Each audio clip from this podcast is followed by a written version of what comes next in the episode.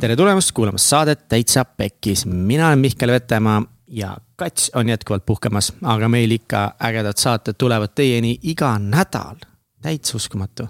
tänane saade on väga-väga eriline, sellepärast et meie saatekülaliseks on meie enda saate tiimiliige Triin Tallo. Triin on meie saatega, meie saate, saatetiimis olnud juba teisest hooajast ja tema on meie NATO Supreme Super Spy ehk siis ta aitab eh, teha erinevaid eh, taustauuringuid meie külaliste kohta. ja tegelikult ta üldse aitab eh, meil saateid ette valmistada, ta aitab siin kohapeal vahepeal meil asju läbi viia, ta helistab meie külaliste pereliikmetele, sõpradele, küsib nende huvitavat perspektiivi meie saatekülaliste väljakutsete kohta. Ja on igatpidi meil moraalne, moraalne tugi et Triin on väga-väga vinge inimene ja me oleme üli-ülitänulikud, et äh, ta meiega on olnud nii kaua ja kuidagi ei ole ära kohkunud siiamaani veel minu ja Katsi erinevatest emotsioonide tõusust ja langusest ja kogu sellest kaosest, mis meil siin vahepeal käib, aga pole üldse hullu. et Riin ise on üks väga-väga vinge inimene, et äh, tema puhul on hästi huvitav näha, kuidas mingid teemad, mis mõnedel inimestel tulevad päevakorda võib-olla alles täiskasvanuna või keskeas. siis temal olid need juba teemaks põhikoolis ja gümnaasiumi ajal, näiteks äh, lein, leinaga hakkama saamine, andestamine, hästi sellise sisemise rahu ja oma tee leidmine väga suurte konfliktidega hakkama saamine tema teekond on siis, ta on Tartumaalt pärit ja tema teekond on Tartumaalt viinud õppima teda Saaremaale, vahepeal Ameerikasse raamatuid müüma. ning nüüd ta on leidnud oma tee pealinna ja tema teekond, ta on käinud väga-väga pika teekonna läbi koolikiusamisest, millest me saates rääkisime päris palju. madalast enesehinnangust, toitumisharjumustega maadeldes aga et mida nagu edasi aeg läinud on, seda rohkem ta on leidnud tee enda sisemusse ja, ja just liigub nüüd taas uuesti oma lapsepõlve unistuste täitumise poole. ja ta praegu praktiseeribki oma oskusi, teadmisi sotsiaalvaldkonnas eh, kus siis töötab ja enda inimlikke võimeid seal arendab ja lisaks siis oma põhitööle ja muudele hobidele, siis ta tõesti ongi nii palju aega investeerinud Täitsa Pekis saatele, aidanud eh, siis teieni tuua kõiki neid saateid, mida me teinud oleme ilma temata samamoodi need saated oleks need, mis nad on, nii et äh, täiega andke armastust Triinule ja head kuulamist, aga pff, mis asja, enne kui sa kuulama saad hakata, siis nagu ikka, kullakesed. kui tahate kuidagi meile energiat vastu anda, siis äh, parim viis selleks, et meid toetada, et meid musitada virtuaalselt, on äh, tulla Patreoni liikmeks täitsa, täitsa peks jah, patreon.com kaldkriips täitsa pekkis ning hakata Patreonis meie toetajaks seal saab meid rahaliselt toetada, et panna õlg alla meie tegemistele. Nüüd jõulude puhul siin, noh, me tahame igast mikrofone, meil on siin vaja renti maksta, nii et kui sa tunned, et sa saad. kui sa tunned, et saad, kui sa tunned, et sa ei saa, siis see on fine, kui sa tunned, et saad, siis toeta meid seal. ning lisaks, oh, praegu on just see hetk, kus olid need Spotify Wrapped kaks tuhat kakskümmend üks ja ma olen nii tänulik teile, kui paljud jagasid äh, kui paljud teist jagasid seda, et eh, meie saade on teie top podcast'ide hulgas. see oli nii, nii soe ja see annab väga palju energiat, jõudu juurde ja nüüd tänane reede päev ja ma olengi siin stuudios, mul on jumala tuju laes, et. aitäh, et te jagate, see tõesti aitab meil jõuda rohkemate inimesteni ja kui me jõuame rohkemate inimesteni, siis tegelikult see aitab meil teha saadet paremini, see aitab meil leida rohkem koostööpartnereid, võib-olla see aitab meil leida mingisuguseid finantsilisi vahendeid, see aidab meil leida mööblit näiteks. et sellest on kasu, et see ei ole ainult selle jaoks, et oh, et oleks nagu kuulsam või midagi, vaid kui on rohkem inimesi, kes meid jälgib, siis see loob meile palju rohkem võimalusi, et seda saadet teha paremini nii et veel kord sügav kummardus teie kõikide ees, kes te olete meid nii palju jaganud ja soovitanud, et aitäh ja nüüd siis head kuulamist. tšau, Triin. tšau, Mihkel. nii tore, nii tore, et sa oled siin, Triin. mul on ka tore kohe siis võibki alustada sinu kiitmisega. Eh, mul on nii hea meel, et sa oled viitsinud meid aidata juba nüüd, kui kaua siis, kaks ja pool aastat või? teise hooaja keskel. teisest hooajast jah. sügisest tegelikult, teise hooaja sügisest. Nagu- neljakümne neljas, neljakümne viies, kuskil seal olime esimene saade teiega. Teiega, täna meiega. jah, täpselt meiega, oli sul esimene saade meiega. et eh, Triin siis on meid aidanud üle, üle kahe hooaja, peaaegu kolm hooaega. peab, noh, põhimõtteliselt see ongi ju teie teise hooaja algus aidanud siis eh, teha meie külaliste kohta taustatööd, research'i, NATO Super Spy. kõik asjad eh, uurib välja, teeb kõnesid meie külaliste sõpradele, pereliikmetele, uurib nende perspektiivi, et et mis, mis on siis meie külaliste pereliikmete arvates meie külalistel elus äh, pekki läinud. kui keeruline lauseehitus see oli praegu. aga see oli jumala arusaadav ju. ei, oli küll jah, absoluutselt. ja, ja oledki aidanud nagu veel mingeid pilte küsida, hoidagi nagu sihukest suhtlust külalistega, pärast saadate neid tagasisideküsitlusi aitad meil äh, silma peal hoida, et nagu kohvi, piim, vesi, kõik sellised asjad saaksid praegu ja näed iseendale siin vee ja mulle tegid teed, siis sa oled nii nunnu paljas, et. aga miks sa üldse tulid äh, meile vabatahtlikuks appi? nii huvitav, sest äh, just paar päeva tagasi ma just mõtlesin selle peale, miks tegelikult. ja ega noh, too aeg ei olnud, noh, ütleme, me on ju sellel hetkel ikkagi. et tegelikult me ei olnud too aeg nii kuulatud inimesed või noh, kuulatud podcast aga mida ma nägin, on see, et see on hea asi, mida te teete. ja ma tahtsin osa olla sellest heast asjast, sest ma nägin sellest potentsiaali ja ma nägin, et see on tegelikult suur asi, mida te teete. ja siis ma mõtlesin, et davai, et see on, see on hea asi, mida teha. kus sa, kus sina leidsid meie saate, kas keegi soovitas või sa nägid internetis kuskil, mäletad uh,? ma arvan, et see oli äkki Gerda, Gerda Rand mm. -hmm äkki tema osa kuidagi jõudis. ma arvan, tegelikult oli ka teisi osasid, aga Gerda Ranna osa oli äkki üks esimesi, mida ma kuulasin, kuna ta on isiklikult tuttav ka mulle mm, -hmm. siis mul oligi, et okei okay,, no mis ta räägib, vaata. ja siis sealt läks juba edasi, et äh, kuulasin teisi osi. ja mingi hetk ma isegi mõtlesin, et davai, ma kirjutan teile, mida nagu oleks vaja teha ja kuidas saab aidata. aga siis oli teil Kristel, sealsama töö peal nii-öelda mm. -hmm. mõtlesin, et okei okay,, Pekki, ma praegu ei lähe siis, aga noh, kui võimalus tekib, ma küsin, et siis alles ja siis tuligi, Kristel abiellus ja uued tuuled, ütleme, olid tal vist. ja siis tulin mina ma ei mäleta üldse et, seda nagu, seda algust, ma ei mäleta seda hetke, kui sa tulid või, või ma ei mäleta ma nagu esimest kohtumist sinuga. ma mäletan. mäletad või? ma mäletan seda, sest äh, te tegite Kristiine keskuses live. jaa, õigus mm. -hmm. see live oli jah ja siis pärast seda, vot siis ma vist commit isin nii-öelda ära ja ma mõtlesingi, et davai, et äh, ma pean teile kirjutama. ja pärast seda me saime kokku sinu ja Katsiga. ja siis me juba rääkisime, mida teha, kuidas teha. kuigi ma vahepeal ikka mõtlen, et nagu, kuidas see võimalik on, kuidas, kuidas ma olen nagu neid asju üldse teinud ja loonud, arvestades kõike seda, mis siin taga, taustal on tegelikult mm. -hmm. aga see ongi, see on äge ja mis mulle nagu hullult meeldib selle nii-öelda töö puhul, on see, et isegi kui me ei lähe teiega mugavustsoonist välja, siis ma kuidagi tunnen, et ma tahan minna mugavustsoonist välja ja just tänu sellele podcast'ile. ma ükskord kirjutasin Katsile ka, et aitäh, vaata, et sa jälle lükkad mind, põhimõtteliselt lükkad mind kaamera ette, ütle, milles sa tänulik oled. jälle lükkab kaamera ette, et davai, et ütle ka midagi. siis ma vaatasin, et äh, okei okay. et äh, aga see ongi, tead, seesama vaata, kui ma tegin neid videosid inimestele, et Facebooki, et küsida nende arvamust lähedaste perspektiivil, on ju. või noh, proovin. et äh, samamoodi see ei ole mina selles mõttes, aga samas mulle meeldib see. ja see mhm. ongi nii äge võimalus, kuidas avastada iseennast hoopis teisest küljest.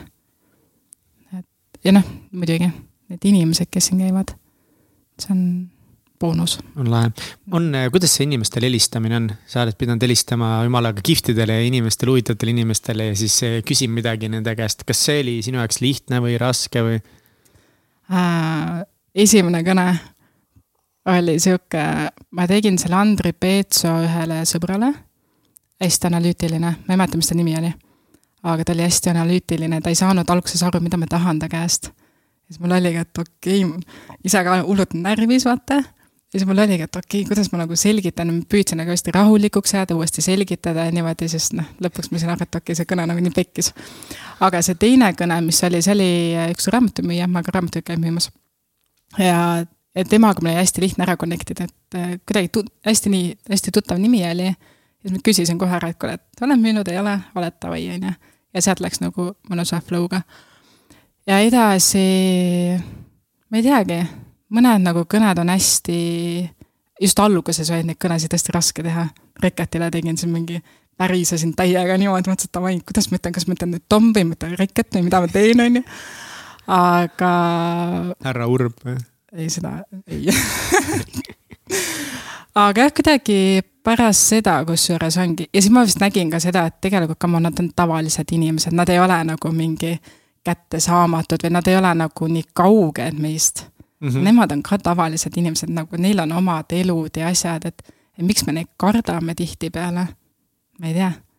ja pärast seda, ma arvan, et pärast Tommi kõne vist läkski mul lihtsamaks ka okay.. et ma kuidagi Tommi suhtes vist oli sihuke aukartus, kuna noh, meediast ka, et äh, ta jättis mulle hästi nagu siukse otsekohese, hästi nagu driver mulje, vaata, et. et noh, davai, räägi ära nüüd, mis sa tahad, et hästi nagu sihuke, on ju. aga tegelikult käis meil saates ka hoopis teistsugune inimene. rahulik ja soe hästi, ja sõbralik tegelikult. täiesti. et see ongi see illusioon, mida me ise loome endale tihtipeale inimestest ja see siis tõmbab meid ennast üles mingi ärevused ja asjad, et milleks me teeme seda endale tegelikult mis sulle, ma ütlen nagu nüüd selle kahe ja poole, peaaegu kolme aasta peale, mis sa siin olnud oled, et. et mis sa nagu ise õppinud oled ja, ja mis sa meie kohta õppinud oled ja mis, mis nagu, kuidas sa kokku võtaksid selle aja uh,? nii palju küsimusi oli praegu, what the fuck, ma valisin tõesti palju ähm,. Teie kohta, mida ma õppinud olen ähm, ongi vist üks asi, mida ma õppinud olen, on see, et te räägite inimestega, on ju. ja sina veel eriti, sa avad ennast ja kõik see, kats on võib-olla kinnisem, aga mis ma avastasin enda jaoks, ma tunnen vist katsi paremini kui sind emotsionaalsel tasandil mm. -hmm. kuigi sina oled palju avatum selles suhtes. ja see oli just jälle, see nädal mõtlesin selle peale ka. ja siis mõtlesingi, et huvitav, kuidas see niimoodi on läinud. et äh,, et jah aga mida ma, mida ma õppinud olen? palju asju olen õppinud, pigem on nagu see enesearengu pool just, vaata seesama välja, nagu mugavustsoonist väljaminek. üks asi on kindlasti see julgus. Ja seesama, kui ma tegelikult tulen siia, ma näen juba, et okei okay,, et külaline on siin. kuidas siis nüüd mina tulen, kuidas ma ütlen talle, kas tere või, või ütlen tšau, nagu teie teete või kes ma olen, mida ma tegema pean täpselt, mul vahepeal on nagu see nagu identiteedikriis olnud. aga noh ma ei tea, vaikselt nagu sulandumist teiega ühte selles suhtes, et äh, ma ise nagu tunnen hästi ja mugavalt teiega. kuigi, kuigi see alati võib-olla ei paista niimoodi välja. ma ei tea, kuidas ma tunnen vaata selles suhtes sa tundud tagasihoidlik üldiselt, aga mulle tundub ka, et, et kui ma nagu mõtlen selle aja peale, siis sa ikkagi nagu järjest rohkem oled muutunud võib-olla jah, nagu ma ei tea, kas ma ütlen, ma ei, ma ei saa öelda, et sa ei oleks enesekindel, et tagasihoidlikkus ja enesekindlus ei ole nagu täp-, noh, täpselt vastandid üksteisele, on ju. et, et aga pigem nagu see kuidagi paistab välja küll niimoodi, et sa rohkem ja kindlamalt nii-öelda tervitad ennast, küsid oled kohal, uurid, ka pärast on ju, sa oled päris huvitavaid küsimusi küsinud siin äh, saatekülaliste käest ja Alar Ojastu ka, sul oli mingi huvitav vestlus ja nii edasi, et. see oli mega ikka see oli tõesti, aitäh, Alar, kui sa meid kuulad. jah, aga on vahepeal nagu ajab närvi ka meid, sest mina ja Katrin oleme kuidagi, eriti selle saatega nagu suhteliselt nagu kaoses kogu aeg ja kogu aeg on meil, no mitte kogu aeg nüüd, aga tihtipeale jällegi nagu saated ette valmistamata õigeks ajaks ja uued külalised õigeks ajaks nagu tegemata, et kuidas sa sellega hakkama oled saanud? teate, mulle meeldib kohati sihuke kaos. see on nii, ühtepidi ma olen hästi organiseeritud inimene mm, -hmm. aga mhm. mulle meeldib organiseeritud kaos. selles suhtes, et äh, isegi näiteks see hooaeg ka, on ju, alati ei ole see, et okei okay,, kellega mu järgmine saade on, kellega laivi läheb, vaata. Ma ei tea, on ju aga täpselt nii, nagu me eelmine nädal rääkisime sinuga, me oleme kõik hästi nagu rahulikumaks jäänud ja kuidagi me teame, need saated tulevad, nad ei jää tulemata tegelikult. et mis see küsimus oli, läks meelest. See oligi, põhimõtteliselt, kuidas sa oled hakkama saanud meie selle kaosega? et äh, jah, mulle kuidagi nagu sobinud, mingi aeg oli tõesti selles mõttes nagu minge pekki nagu, kelle jaoks nagu, kelle jaoks ma teen seda, kas ma teen nagu enda jaoks või ma teen nagu teie jaoks või kelle jaoks, on ju mm, -hmm. ja nagu ma olen teile öelnud seda aga noh, täna ma arvan, et me oleme kõik suht samal lehel sellega. et siin ongi hästi oluline asi ka, mis on ja mis meie nagu see tiimi just ühendab, on see avatud suhtlus. kui kellelgi mingi probleem, tegelikult me saame rääkida sellest ja ei ole nagu sihukest kritiseerimist. okei okay,, kui on tõesti nagu mingi sihuke asi, kus on vaja tõesti muutust kellegi poolt teha, saame just kommunikeerida seda. Aga mitte niimoodi, et kuule, et sa teed nagu seda tööd nii halvasti, et seda teemat ei ole vist kunagi olnud meil. meil ei tule mm -hmm. vähemasti ette mm. -hmm aga missugust see... tagasisidet või mitte tagasisidet, nõu või konstruktiivset kriitikat sa annaksid mulle ja Katsile ja kogu meeskonnale? sealhulgas endale, on ju äh.... ei, sa endale ei pea andma praegu, aga sa võid endale kanda muidugi tegelikult jah, võid küll. jah, ma arvan, et äh, üks teema ongi see organiseeritus, see, millega ma olen see aasta suht palju pinda käinud tegelikult et davai, teeme nüüd nagu süsteemid paika, on ju. vahetan, ma ütlen ausalt, ega ma ise ka neid süsteeme alati ei vaata selles suhtes. aga nüüd ma olen nagu ära õppinud ka selle, et, et noh, kui kõik toimib nii, nagu ta toimib, siis me ei pea tead üle muretsema nende asjade pärast aga mm. noh, muidugi endal oleks lihtsam, kui süsteemid on paigas ja kui me päriselt neid järgiks selles suhtes. et jah. usun jah, ma arvan, et sa saad ise ka sellest aru, et kuidas äh,, kuidas vahepeal lähebki kõik juhtmesse ja täpselt needsamad videode saatmised kasvõi on ju saadame video, või noh, saadate katsiga videod ära, siis pärast on see, et kuule, kellele me saatsime, ma ei mäleta hästi. ja, ja, ja ongi nagu mitte, et nagu me ei, ei suudaks välja mõelda mingeid viise, kuidas sellele järge peal hoida, meil on olnud väga häid tööriistu selle jaoks.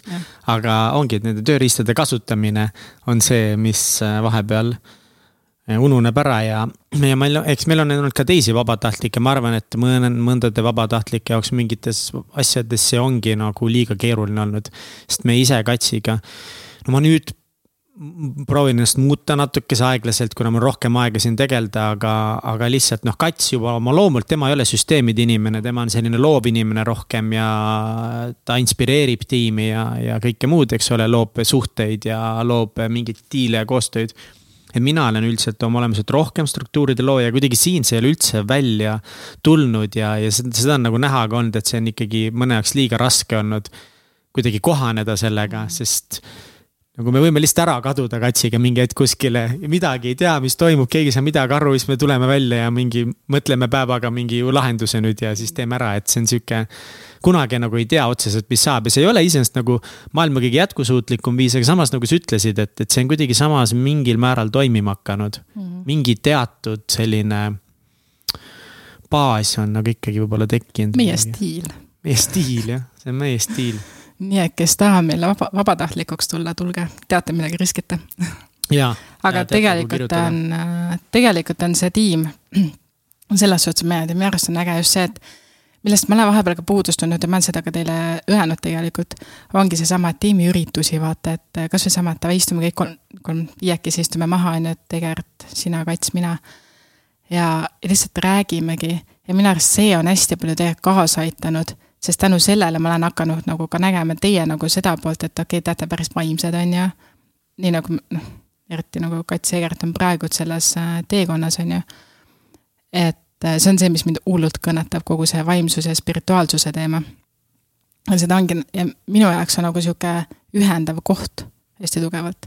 sinuga nagu teised ühendavad kohad jällegi mm. -hmm. ja noh, kuidagi nagu see klapp on nagu teistmoodi hästi tunnen? huvitav, mis ütlesid enne ka ja minu kohta just, et, et olgugi, et ma olen avatum, siis sa ütlesid, et emotsionaal. emotsionaalselt kaugem. jah, aga mis see tähendab ähm,?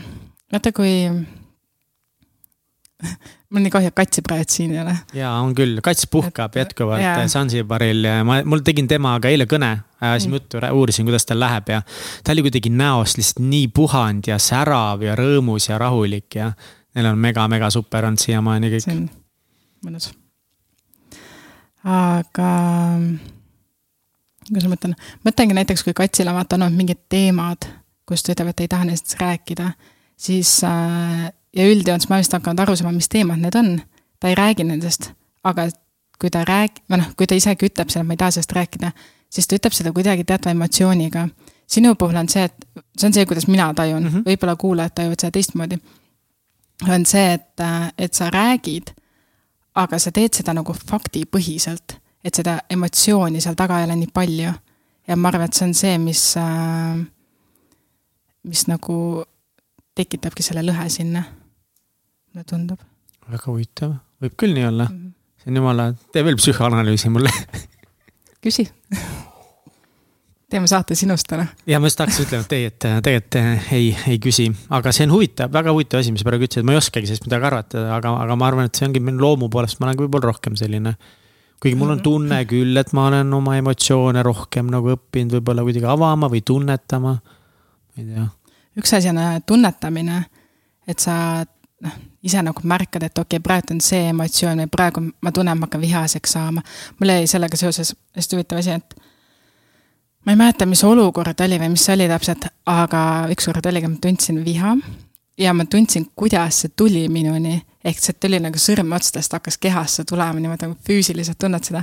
see, see on nii huvitav kogemus, see oli nüüd äh, aasta-paar tagasi. ma ei mäleta põhjust, noh täiesti nagu blank selle koha pealt, aga ma mäletan seda kogemust ennast, kuidas see nagu tuli. ja vaata, kui inimene saab vihaseks, mis, mis ta käed teevad, lähevad rusikasse kohe mm.. see on kuidagi nagu sihuke täpselt, vihane et see on jah, üks asi on see märkamine, aga teine asi ongi see, kuidas me avame seda. sulle võib-olla ka tundub, et oh, ma olen hästi avatud inimene, just sellepärast, et sa räägid lähedastele. lähedastele tegelikult me ju ikkagi avame ennast ka emotsionaalselt, ehk me näitame ka neid emotsioone.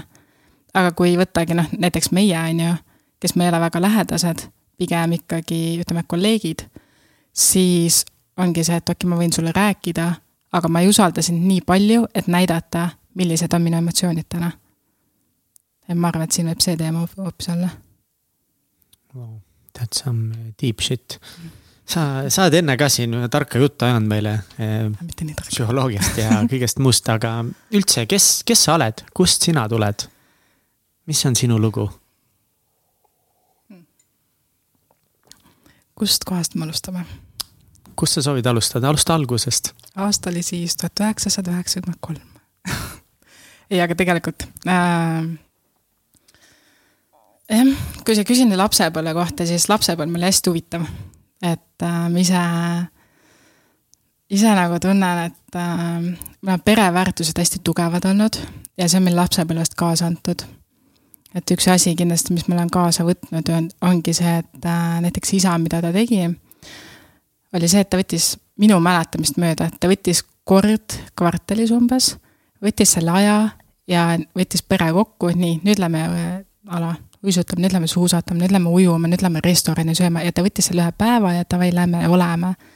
et noh, muidu oli ikka see, et õhtuti terve pere sööb koos, on ju, aga just see, just see nagu teadlik aja mahavõtmine, perega olemine et see on kindlasti üks asi, mis ma olen nüüd äh, kaasa võtnud ja mida ma tegelikult väga-väga hindan ähm,. kuidagi nagu jah, see, ma ei tea, tore, tore lapsepõlv on selle koha pealt olnud. kool ei olnud nii tore. aga enne kui sa koolist räägid, äh, kus kohas sa sündisid? Tartus. ja kas elasid terve oma sünnist saatik? sünnist saatik. sünnist saatik elasin Tartu vallas, küll jah. okei okay siis me olime peaaegu, peaaegu samas linnas. vald, linn, Tartu. noh, ütleme nii, et Tartu linn ja vald on nii kokku kasvanud praegult, et need piirjooned on minu arust nii hägusad seal mm, -hmm. et. et põhimõtteliselt me oleme samast kohast. aga kus sa koolis käisid? me ei, ei. ei taha öelda seda? Fine. ja aga mik, miks sa ei taha öelda, mis, mis on sinu ja sinu kooli lugu äh,? miks ma nime ei taha öelda või mm? -hmm. ütleme niimoodi, et Äh, üks asi, mida, mida mulle meeldib teha, on hoida teatud privaatsust mm. -hmm. ja ma ei tea, kas nende inimeste seas on ka täna kuulajaid, ka võib-olla nende õpetajate, ühesõnaga. ja kuna see kogukond on nii väike, siis kõik teavad, kellest ma räägin tegelikult mm -hmm.. noh, juhul kui nüüd nad kuulavad ka, on ju. Mhm. et sellepärast. olgu. hoida konfidentsiaalsust. aga mille eest sa siis hoiad konfidentsiaalsust, mis, milline oli sinu kooliiga? põnev mul oli, ma käisin äh, linnast lasteaias, siis ma läksin äh, maale kooli. ja ma mäletan, kusjuures esimesi kahte-kolme klassi ma isegi ei mäleta väga. küll aga see tunne, mis oli, oli pigem see, ma sain aru, et ma ei kuulu sinna. ja see tunne saatis kuni põhikooli lõpuni. Kohe nagu algusest, algklassist peale juba, et sa ei kuulu kooli või sa ei kuulu nende inimeste keskele, nende laste pigem nende keskele? inimeste keskele, sellepärast et kui ma läksin, siin oli ka see, et kõik nagu teadsid kõike, me enda klassist, ma ei teadnud ju kedagi seal. Nemad äh, käisid juba eelkoolis koos, nad käisid juba lasteaias koos, seal osad olid vist sugulased omavahel. kellega ma klappisin, oli vennaklassi vennad ja klassikaaslased, sest nemad võtsid mind nagu oma tiiva alla. aga mingi hetk kasvasid ka nemad sellest välja, et ah, mis see jõmpsikas siin teeb, on ju. et, äh, et jah. ja mis siis sai? ah jah. et sa tundsid ühesõnaga, et sind ei äh, võetud või kuidagi sa ei tundnud, et sa kuulud sinna? üks Ja- pool oli see, ma ei tundnud, et ma ei kuulunud sinna ja, ja kuidagi nagu sa ütlesid, vaata, et peh-, mitte pehme, aga nagu tagasihoidlikkus, on ju. Mhm. ja ma olen olnud pigem nagu pehmema loomuga väliselt, aga sisemiselt on nagu sihuke kõva kivi, vaata, et, et sa ei tambi seda puru, vaata, mis mul sees on. Mhm. vähemasti mitte nii kiirelt, sul peab ikka väga, sa pead väga-väga tugev inimene sel juhul olema, et nii täiesti maatasa teha. ja, ja mis seal juhtus, ütleme niimoodi, et noh, räägime koolivägivallast siinkohal. et see koolivägivald tegelikult, kui ma mõtlen, mis ajast see hakkas, kogu see teema vist hakkas ka algklassidest peale, aga need äh, põhiaastad minu jaoks, kaheksas-üheksas klass, olid need, mis tegelikult on väga-väga tugevalt mõjutanud minu edasist elu ja mis, mis juhtus, on, ja see on, see on ka nii huvitav, sellepärast et inimesed, kes jäävad istuma, nad jäävad ju põhjusega üldjuhul. kas neil on kodus mingid probleemid või okei okay,, mõnel on võib-olla tõesti mingi haiguse teema, on ju, et ta ei ole asjadega nüüd järele, noh, on väga nagu normaalsed ja noh, selles suhtes arvestatavaid põhjuseid. Kui tegemist on väga katkise ja haige hingega, siis on, siis on nagu see saatus päris karm selle koha pealt. mis mul endal juhtus, oligi see, et äh, räägime abc äh,. klassi jäi istuma siis kolme noormeest, noormees A, täiesti, alguses me saime väga hästi läbi tegelikult ja ja mingi hetk oli, ma ei teagi, see oligi nagu hästi huvitav ka, et ta tegelikult juba isegi usaldas, on ju, et tal, ta juba rääkis enda nagu suhetest ja mingitest asjadest, tõesti nagu noh, väga nagu sihuke hea usaldussuhe tekkis. ja siis mingi hetk nagu päevapealt hakkas, hakkas lihtsalt tootma mingit teksti. ma jõuan selle juurde tagasi. noormees B oli siis tema nii-öelda kaasvõitleja, ütleme niimoodi ja tema kohta on mul ainult häid sõnu selles suhtes, mul on nagu meeletu respekt ja meeletu austus selle inimese kohta. ja siis noormees C, tema jäi istuma ja temaga ma suhtlen siiamaani ja tema hästi neutraalne selles suhtes, aga jah, ma pärast räägin, miks, mis teema seal oli. aga jah, selle esimese noormehega, temaga oli sihuke huvitavad suhted, et alguses oli nagu hästi kõik ja siis mingi hetk. mis klassi nad istuma jäid? kaheksas. kaheksandasse mm. -hmm. ja siis mingi hetk oligi see, kus äh, hakkas tulema seda, et kuule, et äh, sa oled suht paks ikka, vaata. ja sa oled nagu suht rõve ja sa oled ikka kole ja. niimoodi. jah, no see oli algus mm. -hmm. see oli algus. võib-olla kuulsid korra päevas. mida aega edasi siis hakkas siuksed asjad juhtuma, et äh, hakkas jälgima toitumist. vaataski niimoodi, et äh, vaatas, noh, meil olid äh, laua taga istus siis kuus inimest ja klasside kaupa oli ikka kuidagi memad seda süsteemi hästi. ja siis ta nagu hakkas jälgima, et no palju sa sööd ja iga kord tuli mingi kommentaar, issand, sa sööd nii palju. olgugi, ma võtsin võib-olla see kaks kartulit ja that's it, on ju, siis ma ei julgenud süüa, mul tekkis, et kusjuures ongi, see on ka hästi sihuke ja mul hakkasid seal nagu tekkima hirmud söömisega. siis äh,, siis äh, ma olin hästi sportlik. käisin äh, kergejõustiku, samal ajal oligi, ma käisin kergejõustikus, korvpallis, ma käisin rattaga koolis kümme kilomeetrit koju, kümme kilti tagasi, kooli koju tagasi. ja see maastik ei ole ka nagu sihuke sile, on ju, või noh, nagu sirge, vaid ta on ikka, sul on seal mäed ja sa pead ikka nagu pressima neid, peda-, pedaali ja asju, ma noh, tegelikult selles mõttes ma olin suht heas vormis, ma käisin võistlustel, noh, kõik jutud, on ju. ja, ja kuidagi oligi, et see noormees käis ka vahepeal nagu samas trennis minuga ja siis äh, tuli ikka mingid kommentaarid seal, et umbes, et noh, paksu, et jooksed jälle oma rasva maha ja ja kuule, sa ikka ei jõua üldse joosta, no vaata, milline sa oled, issand, kui rõve sa oled, vaata, mis sul seljas on. Ja seda ja siukseid tekste nagu tuli põhimõtteliselt iga päev äh,. okei okay,, see oli nagu noh, mingi aeg, on ju. siis mingi aeg hakkas see tekkima nagu füüsiline pool kus ongi see, et äh, teeb ennast nagu põkiks, vaata mingit oo ju, ma ilge kapp, et noh, ei saa minust mööda. mitte see, et tema oleks ennast nagu kapiks teinud, vaata kui suur ja musklis ma olen, mitte see, vaid see, et noh, sa oled ikka nii paks, et sa ei saa ikka minust mööda.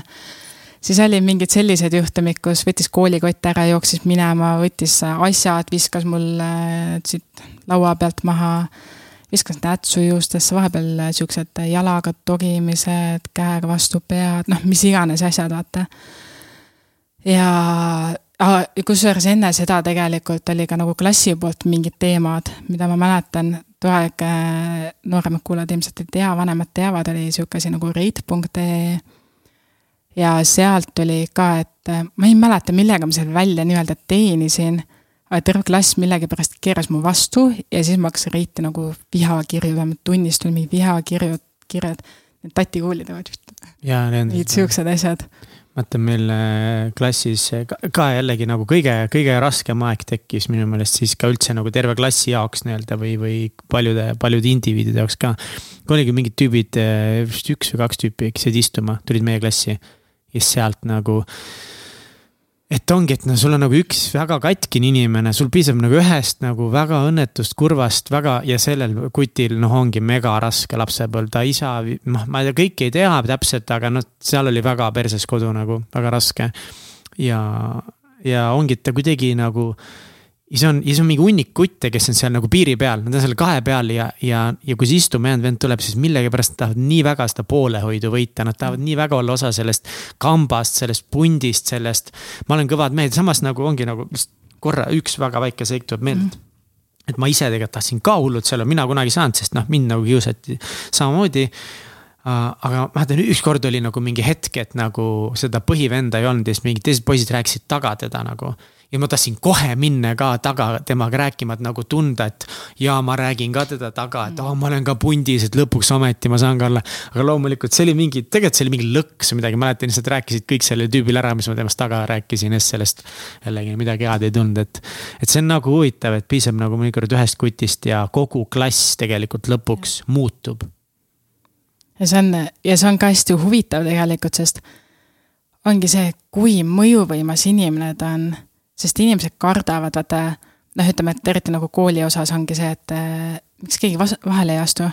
on ju täpselt see, et tegelikult kardetakse mm, -hmm. nähakse, aga, aga ei ta-, ei tehta ka midagi, sest äkki on mina ka. ja kõige rohkem kardetakse nagu, hakatakse hullem. mind ka nagu kiusama ja. või mõnitama, et kuidagi, et ma, et no ongi, et ma kaotan oma selle mingi cool'i või safe mm -hmm. staatuse et see on nagu jah, päris, äh, see on karm reaalsus, see on, aga see on tõene selline. ja minu arust need õpetajad, need enamasti ei suuda, mitte sittagi pole kasu neist, mitte ja. midagi. ma ei tea, kuidas tänapäeval selles suhtes on, noh, tänapäeval ilge nagu vana inimene räägib siin.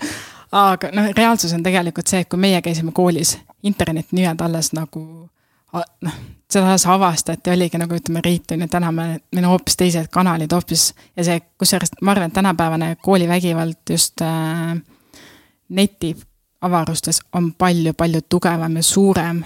tõenäoliselt küll, jah. kui see oli siis, kuule, Youtube'i avast- äh,, Youtube tehti kaks tuhat viis, on ju. Mhm. noh, täna tee üks vale video ja kõik näevad seda, on ju. ei, mina, ma, ma ei saanud noh, väga mingeid direct asju. message eid umbes või mingeid siukseid asju mm väga, et ikkagi kõik oli otse nagu verbaalne, otse näkku või. või kes, keegi kirjutas mingi kirja või mingi nõmeda luuletuse, aga no peamiselt oli mm ikkagi otse näkku nagu nii suu või jalaga aga see on nagu päris, äh, päris rõve, sest ma ise mõtlen ka nagu selle peale, et äh, okei okay,, füüsiliselt saada, ega sa ei mäleta seda füüsilist valu. mis jääb sind kandma, on just see vaimne ja psüühiline terror tegelikult. ja see on see, millega sa siis pärast lap-, lapid sa neid haavu kinni, et okei okay,, kuidas ma nüüd sellega rahu teen. mida, mida sina... mina tegin valesti aga...? hästi paljudel tekib see küsimus, mida mina valesti tegin, miks, miks mina, vaata. jah aga mida sa, mida sa veel tundsid, et sel hetkel oligi, et noh, sa tõid päris palju näiteid, mida tehti, et äh, kutsuti sind paksukeseks. ja ilmselt nagu ka väga avalikult on ju kõigi teiste eest tihtipeale need asjad juhtuvad, on ju kuskil vahetunnis on ju, kõik vaatavad, kõik näevad seda pealt ja. ja füüsiliselt lõid sind pähe, kuhu iganes veel, et mida sa nagu nendel hetkel tundsid?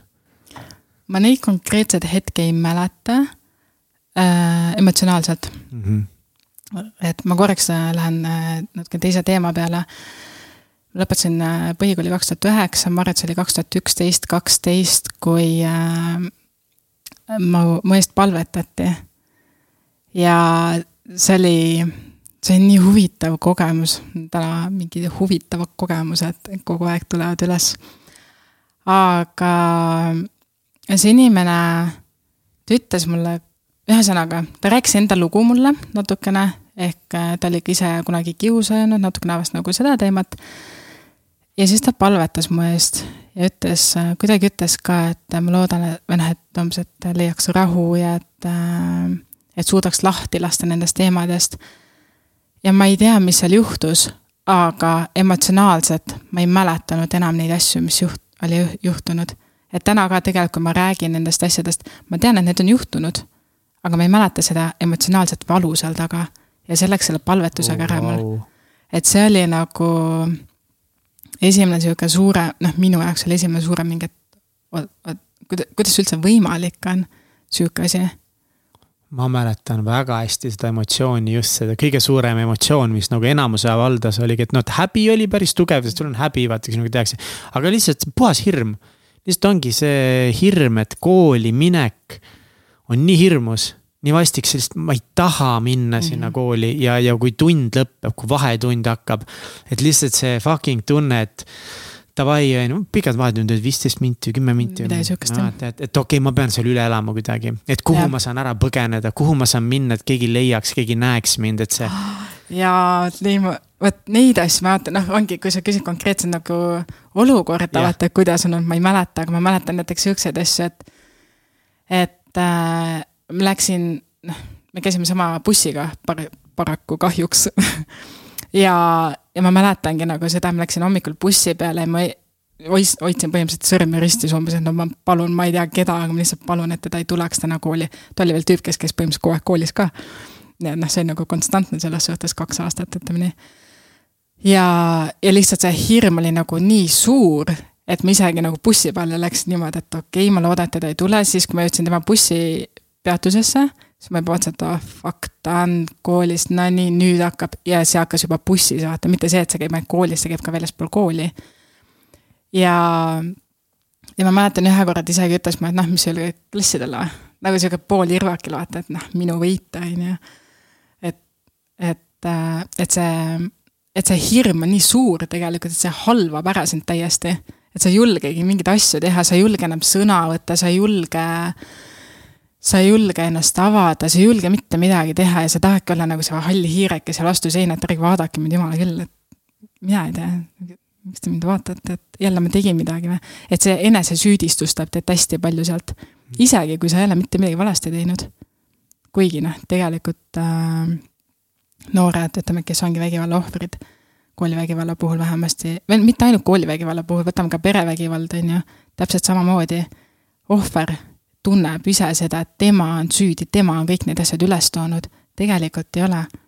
tegelikult noh, muidugi minu puhul oli näiteks see, et mis ma arvan vähemasti eh,, oli see, et kuna ma nägin nii pehme loomusega välja ja ma ei öelnud vastu ma, ma ei öelnud vist kordagi vastu ja ma mäletan, üks klassiõde ütles talle vastu, kes oli noh, natukene ka suurem, on ju. ja, ja ta ütles vastu, et olen jah paks, kade oled või?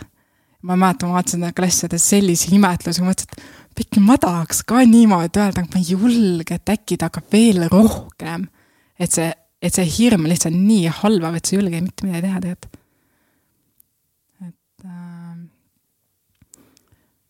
et jah, üks pool oli nagu see ja siis teine pool, mis mul oli ka emotsionaal, emotsionaalselt ähm,. oli see, et äh, ma käisin trennis neli, äkki viis korda nädalas või kuskil niimoodi. ja noh, normaalne on see, et sa lähed äh,, sa lähed trenni siukse, oo, trenn on ju, kõik on vahva ja tore ja koolis oled sihuke lõbus ja nii. minu reaalsus nägi selline välja. Et äh, ma arvan, et miks inimesed tegelikult ei osanud arvata ja võib-olla siiamaani arvavad, et ah, sul oli kõik hästi, on ju. oli see, et ma naersin hästi palju. ma olin hästi õnne-, väliselt ma olin hästi õnnelik, ma olingi nagu mingi. aga kõik ongi hästi, kogu aeg naeratad ja, ja selline, aga reaalsus oli see, et äh, enne trenni minekut läksin vetsu, nutsin peatäie tühjaks, siis läksin trenni, tegin jälle selle keep smiling on ju. nagu ette, et kõik on hästi, trenn läbi sai, läksin vetsu, nutsid jälle bussi peale, või noh, terve see aeg, kui keegi ei näinud, ühesõnaga kogu aeg, kui sind nähti, oli see nagu võlts naeratus ja ülejäänud aega nagu see, et äh, et äh, sihuke hästi kurb ja hästi suur äh, pettumus kõiges ja Mhm. ja teatud, teatav kadedus ka ilmselt, et aga noh, täpselt seesama, et miks mina midagi vastu ei julge öelda või ma tahan ka nagu, ma arvan, kusjuures ma arvan, et mõnes mõttes ohvrid vaatavad enda kiusajaid või neid äh, allutajaid teatava nagu imetlusväärsusega. just selles mõttes, et vaata, kui julge ta on ja, ja ta nagu suudab allutada enda alla inimesi. ja mitte noh, ma praegu tulin nagu lihtsalt sellise mõtte peale mm, -hmm. siis ma ei ole kunagi nagu niimoodi mõelnud, aga see võib olla. seal on, ma arvan, et seal on küll midagi, ma ei mäleta, ma võis, noh, kadedus kindlasti nagu mingil. ja just selles mõttes. ja, ja oligi see kadedus, kuidagi see, et noh, et ma, ma tahaks ka nagu see lahe olla mm. -hmm. ma tahaks ka see julge ja lahe olla ja kes nagu kuidagi saab elada, sest ma tundsin, et mina ei saa elada enam. aga, aga mis, mis, ma arvan, mis minu jaoks nagu suur päästja oli või mõnes mõttes, et. et, et õnneks nagu väljaspool kooli ma ei puutunud inimestega kokku ja, ja mul olid mingid keskkonnad, võrkpallitrenn näiteks oli täiesti nagu puutumatu mingisugusest kurjusest et seal oli väga okei okay ja tore kõik ja, ja ka ühe klassivennaga väga pikalt nagu, kes, kes oli ka üks nendest cool kids idest, tema nagu väga palju ei kiusanud kedagi aga, aga temaga tahtsid kõik sõbrad olla, sest ta oli ka sihuke rebel, mingi teatud raske lapsepõlvega, tugev, äh, Võrust pärit, ta oli valmis kaklema minema, ta ei lasknud mm -hmm. kellelegi midagi endale öelda, ta oli sihuke kõva mees. ja ta oli hullult tark ka, aga ta oma sellest intelli-, nagu õppimisest loobus äh, pidutsemise ja, ja äge olemise nimel mingil määral. Okay.. et tegelikult tal oli hullult hea pea, hullult hästi lõikas, aga, aga ta õppimisest nagu loobus, kuidagi nägi, et see ei ole väga lahe nagu, et on lahe nagu äge olla. ja tema oli minuga nagu vahepeal üks parimaid sõpru mul hästi pikalt ja see oli nagu mingi isegi veider nagu, et ta nagu nägi ka, et, et ongi, et siis kui minu see kiusamine süvenes, et siis tema nagu ikkagi jäi mu sõbraks aga ma ei tea, kuidas teda mõjutas, sest, sest ma, ma arvan kindlasti mingid hetkedel tal olid need kõhklused nagu, et kurat, et nagu, et kas see kuidagi lõpuks mõjutab mingit tema seda, kuigi. jah, ja siis mingi hetk nagu ta oligi nagu mingite teiste kuttidega hakkas rohkem sõber olema, sest tema sõbrad tahtsid ka kõik olla. ja siis nii-öelda umbes kuidagi ta reetis minu ja läks mingite teiste inimeste sõbraks rohkem, see oli hästi veider, ma mäletan, mingi armu kolmnurk oli selle kuti ümber põhimõtteliselt nagu ma alati tundsin, et. mina olin päriselt tema kõige lähedasem sõber väga pikalt, kes nagu teadis seda kõige rohkem ja teised kõik tahtsid nagu niisama olla tema sõbrad, aga lõpuks ta nagu valiski vist need teised ikkagi, mäleta täpselt. et ma ei mäleta, mis selle asja point oli, midagi, mul oli mingi point ka sellega. kadedus jah, jah, see kadedus. et jah, kuidagi jah. ei, kadedus oli suur igatahes, tema ees oli mul kadedus ja teiste ees kadedus, et ka, et nagu tahaks ka nagu elu elada kuidagi hmm.. aga sina, kas sa otsisid mingit abi kunagi ka nagu või proovisid õpetajatega rääkida või oma vanematega? absoluutselt mitte, sest äh, mul, mul nagu päädis see asi päris kurvalt tegelikult. sest äh, ütleme, et noh, kaheksas klass, vaata, see on nagu, see on veel selline periood, kui ütleme, see on neliteist kuni kuusteist on äh, noor inimene, on see, selles see on selline, selline eluetapp, kus sa tegelikult otsid oma identiteeti ju. sa otsid seda, kes ma olen, miks ma siia tulnud olen. mis on minu väärtus siin maailmas? Need on neid küsimusi, mida sellel ajal inimene mõtleb, on ju. mis oli minu tolleaegne äh, mõte oli see, kuidas ma tänase koolipäeva üle elan. ehk minu fookus ei olnud see, kes ma olen, vaid mu fookus oli ellujäämisel ja seda sõna otseses mõttes kohati. sest äh, ma mäletan, see oli kaheksanda, üheksanda klassi äh, vaheline suvi. ja jällegi, mul oli kodus, ma ei saanud kedagi usaldada, ma tundsin lihtsalt, et ma ei saa usaldada, sest äh, meil vanematega mingi periood hästi, isaga ei olnudki nii minu arust nii hullult, aga emaga meil mingi periood hästi rasked suhted, nagu tohutult rasked ja ja ma tundsin, et ma ei saanud sealt nagu seda toetust, sest et äh, kohati mulle tundus, tundus täpselt niimoodi, et kui ma midagi sulle räägin, et siis sa paiskad sa mulle näkku tagasi, vaata. ja siis ma mingi, no ma, ma ei saa nagu, ma ei saa usaldada, vaata seda. ja, ja siis äh, too suvi oli see, kus ma mõtlesin, et davai, ma joon ennast äh, esimest korda kusjuures elus. ma lähen ja joon ja ma lähen, joon ennast äh, surnuks. see oli mu esimene nii-öelda katsetus. ja siis äh, teine noormees, kes oli nii-öelda ka nagu kaaskiusaja, tema tausta ma teadsin ma nägin juba tegelikult äh, juba kiusamise ajal ma nägin, et see, miks sa nagu teed seda, vaata, see on nii hea südamega, sa oled nagu nii siiras ja see on nagu, miks sa teed, mul oli nagu nii sõl-, nagu segadusse ajab see. ja ta nägi mind too suvi, ta nägi mind purjus peaga, nagu, nagu see täiesti kohutav tegelikult, mis toimus. ja ma mõtlesin, et davai, esimene september lähen kooli, ta raudselt räägib kõigile, nagu raudselt. seda, kuidas sa purjus olid või? jah, sest noh, kui inimene joob esimest korda, ta noh, sa ei taju esiteks piire, on ju, sul pole jallu ka all, no täiesti õudne tegelikult. ärge seda kodus ärge tehke nii või naa teete, kõik teevad no,, kõik, kõik teevad ära selle. muidugi teevad, aga lihtsalt see on nagu nii kohutav tegelikult järgmise päeva pohmel, uh, õudne. aga, aga jah, ma mõtlesingi, et davai, et nüüd ta raudselt räägib kõigile, ta ei rääkinud mitte kellelegi, reaalselt. ja siis ma olin mingi, et okei okay,, et äh, okei okay,, on ju. aga üheksas klass läks, kogu see teema läks edasi, vaata, noh, selle põhivennaga. aga noh, see kaaskiusaja, tema käis ka ikka vahepeal niimoodi natukene ikka, noh, et kuidas siis on, on ju. ja, ja kuna kodus olid ka suhted nii, nagu nad olid, siis ma tundsingi, et ma olen üksi, täiesti üksi, sest mul oli mul oli üks sõbrants enda klassist, kes oli hästi vaikne, no, no nii vaikne, et inimesed käisid minu käest küsimas, et kuule, mida tema sellest arvab, sest ta ei rääkinud teiste inimestega, minuga põhimõtteliselt ja, ja noh, talle ma väga ei rääkinud. Äh, kodusest olukorrast vahepeal midagi ma mainisin. et aru saada võib-olla, mis viha sellel hetkel veel noh, nendel aastatel minu sees oli, ma soovitan kuulata sellist lugu nagu Eminem. Eminemi lugu äh, Kim, kus ta räägib oma naise, ma ei tea, naine vist pettis või midagi sihukest. metsik viha, see on nagu metsik viha, mis seal, mis selles laulus on ja ma olin nagu mingi jep, that's me et just selle nagu emotsionaalse, emotsionaalsel tasandil ma olin nagu nii üks-ühele temaga.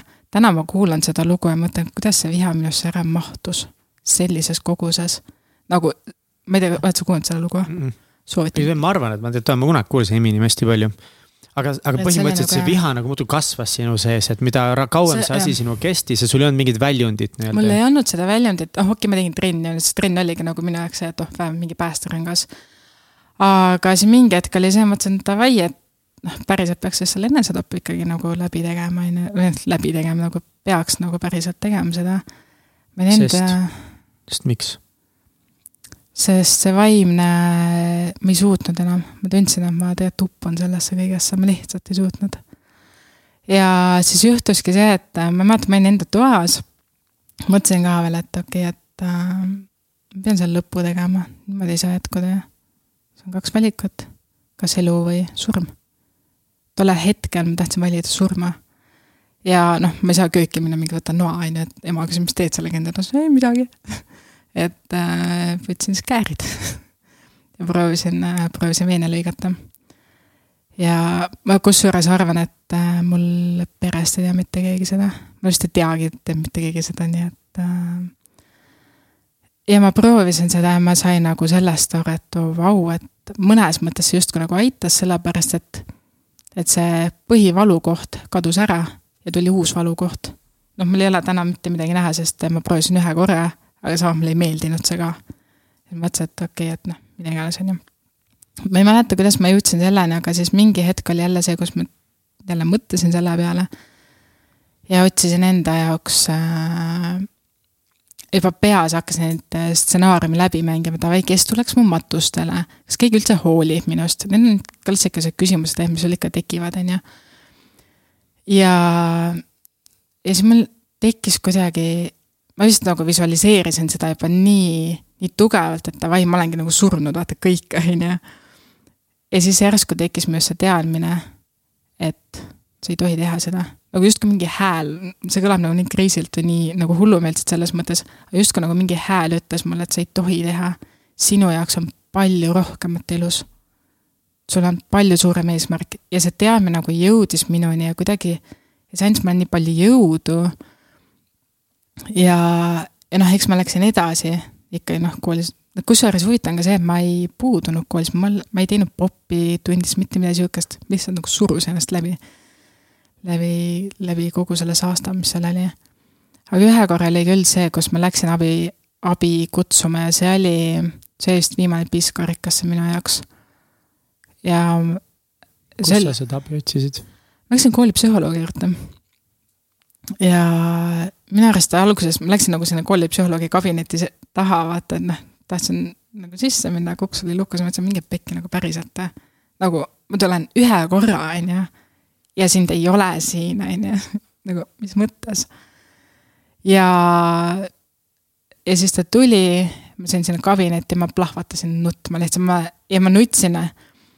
ma arvan, ma väga pikalt ei nutnud, ma pigem hoidsin ennast tagasi.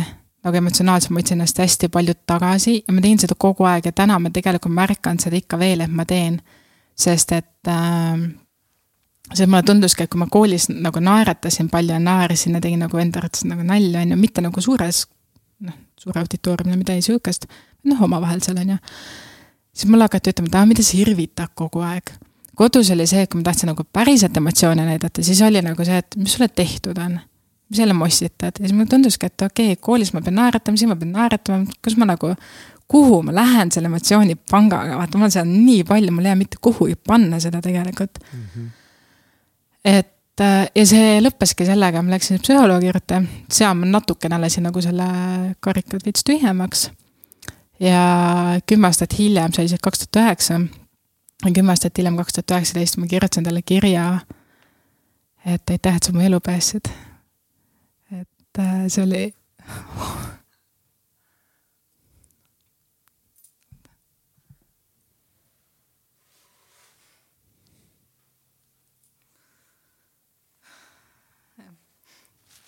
It's okay.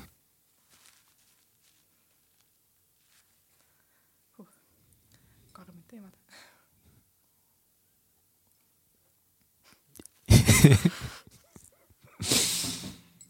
ma ei tea, kuidas see juhtus praegu. seda on väga paljudega juhtunud, et see vesi lendab kuidagi klaasist välja. silma, täpselt. ja need ei ole pisarad, see oli vesi. jah, absoluutselt. aga aga õpetussõnad tegelikult, mis ta andis mulle. ise logopeed? Äh, psühholoog. psühholoog, vabandust, jah. Äh, oli see, et ta ütles mulle niimoodi, et äh, vaata peeglisse ja hakka endale ütlema, et kui tore sa oled, kui ilus sa oled ja nagu seda enesehinnangu kasvatamist hakka nagu sellega tegelema, et ta, ma talle vist rääkisin ka sellest, et ta mulle öeldakse, ma olen mingi paks ja ülekaalus ja mida kõike, on ju. jah, kuidas see mõjutas sinu minapilti? täiega et äh, toitumine on üks hästi suur teema, millega ma tegelikult võitlen mõnes mõttes siiamaani. sellest on, noh, sellest on rohkem kui kümme aastat ja mul on nagu siiamaani need tagajärjed tegelikult. et äh, ja ta andis mulle mingit toitumisnõustajate äh, kontaktid ka tegelikult, ehk noortel on olemas need võimalused minna tasuta siis psühholoogi juurde, tasuta, tasuta siis noh, peaks olema ka mingid ühesõnaga äh, mingid võimalused on ikkagi olemas, et sa saad seda lubada endale ähm,.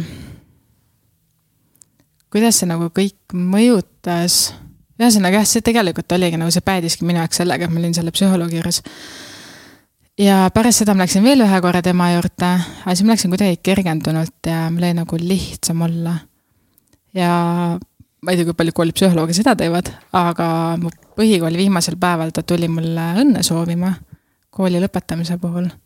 ja ma arvan, et tema oli sellel hetkel minu päästehingel tegelikult, kes, kes andis mulle selle jõu ja kes näitas, et, et päriselt sa oled, sa oled rohkem väärt kui see, mis siin on praegu. et äh, jaa. ja kusjuures jällegi ma ei mäleta väga seda kooli viimast päeva, noh, minu jaoks oli nagu selles suhtes tohutu vabanemine.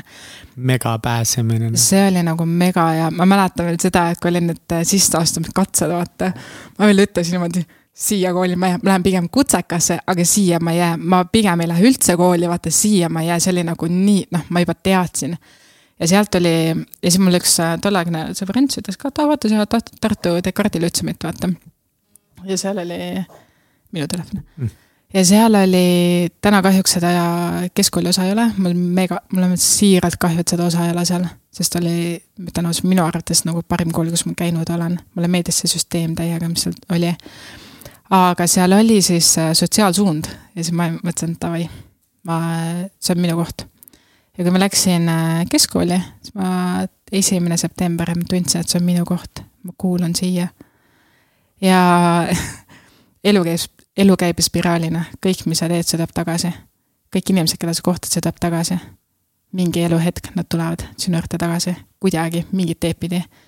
mis minul juhtus, oli see, et äh, nagu ma mainisin enne ma käisin linna lasteaias, lasteaed oli mu kooli kõrval, mitmed klassikaaslased olid mu klass- äh,, rühmakaaslased. ühte ma neist mäletasin. ja hiljem ma sain teada, et mul oli veel päris mitu, kellega ma tegelikult ühes rühmas isegi käisin ja sõbrutsesime ja mida kõike veel. Ma ei mäleta lasteaiast eriti midagi selles suhtes mm.. et see on nagu hästi huvitav. ja seal ma tõesti tundsin, et ma olin kodus ja ma olin õiges kohas.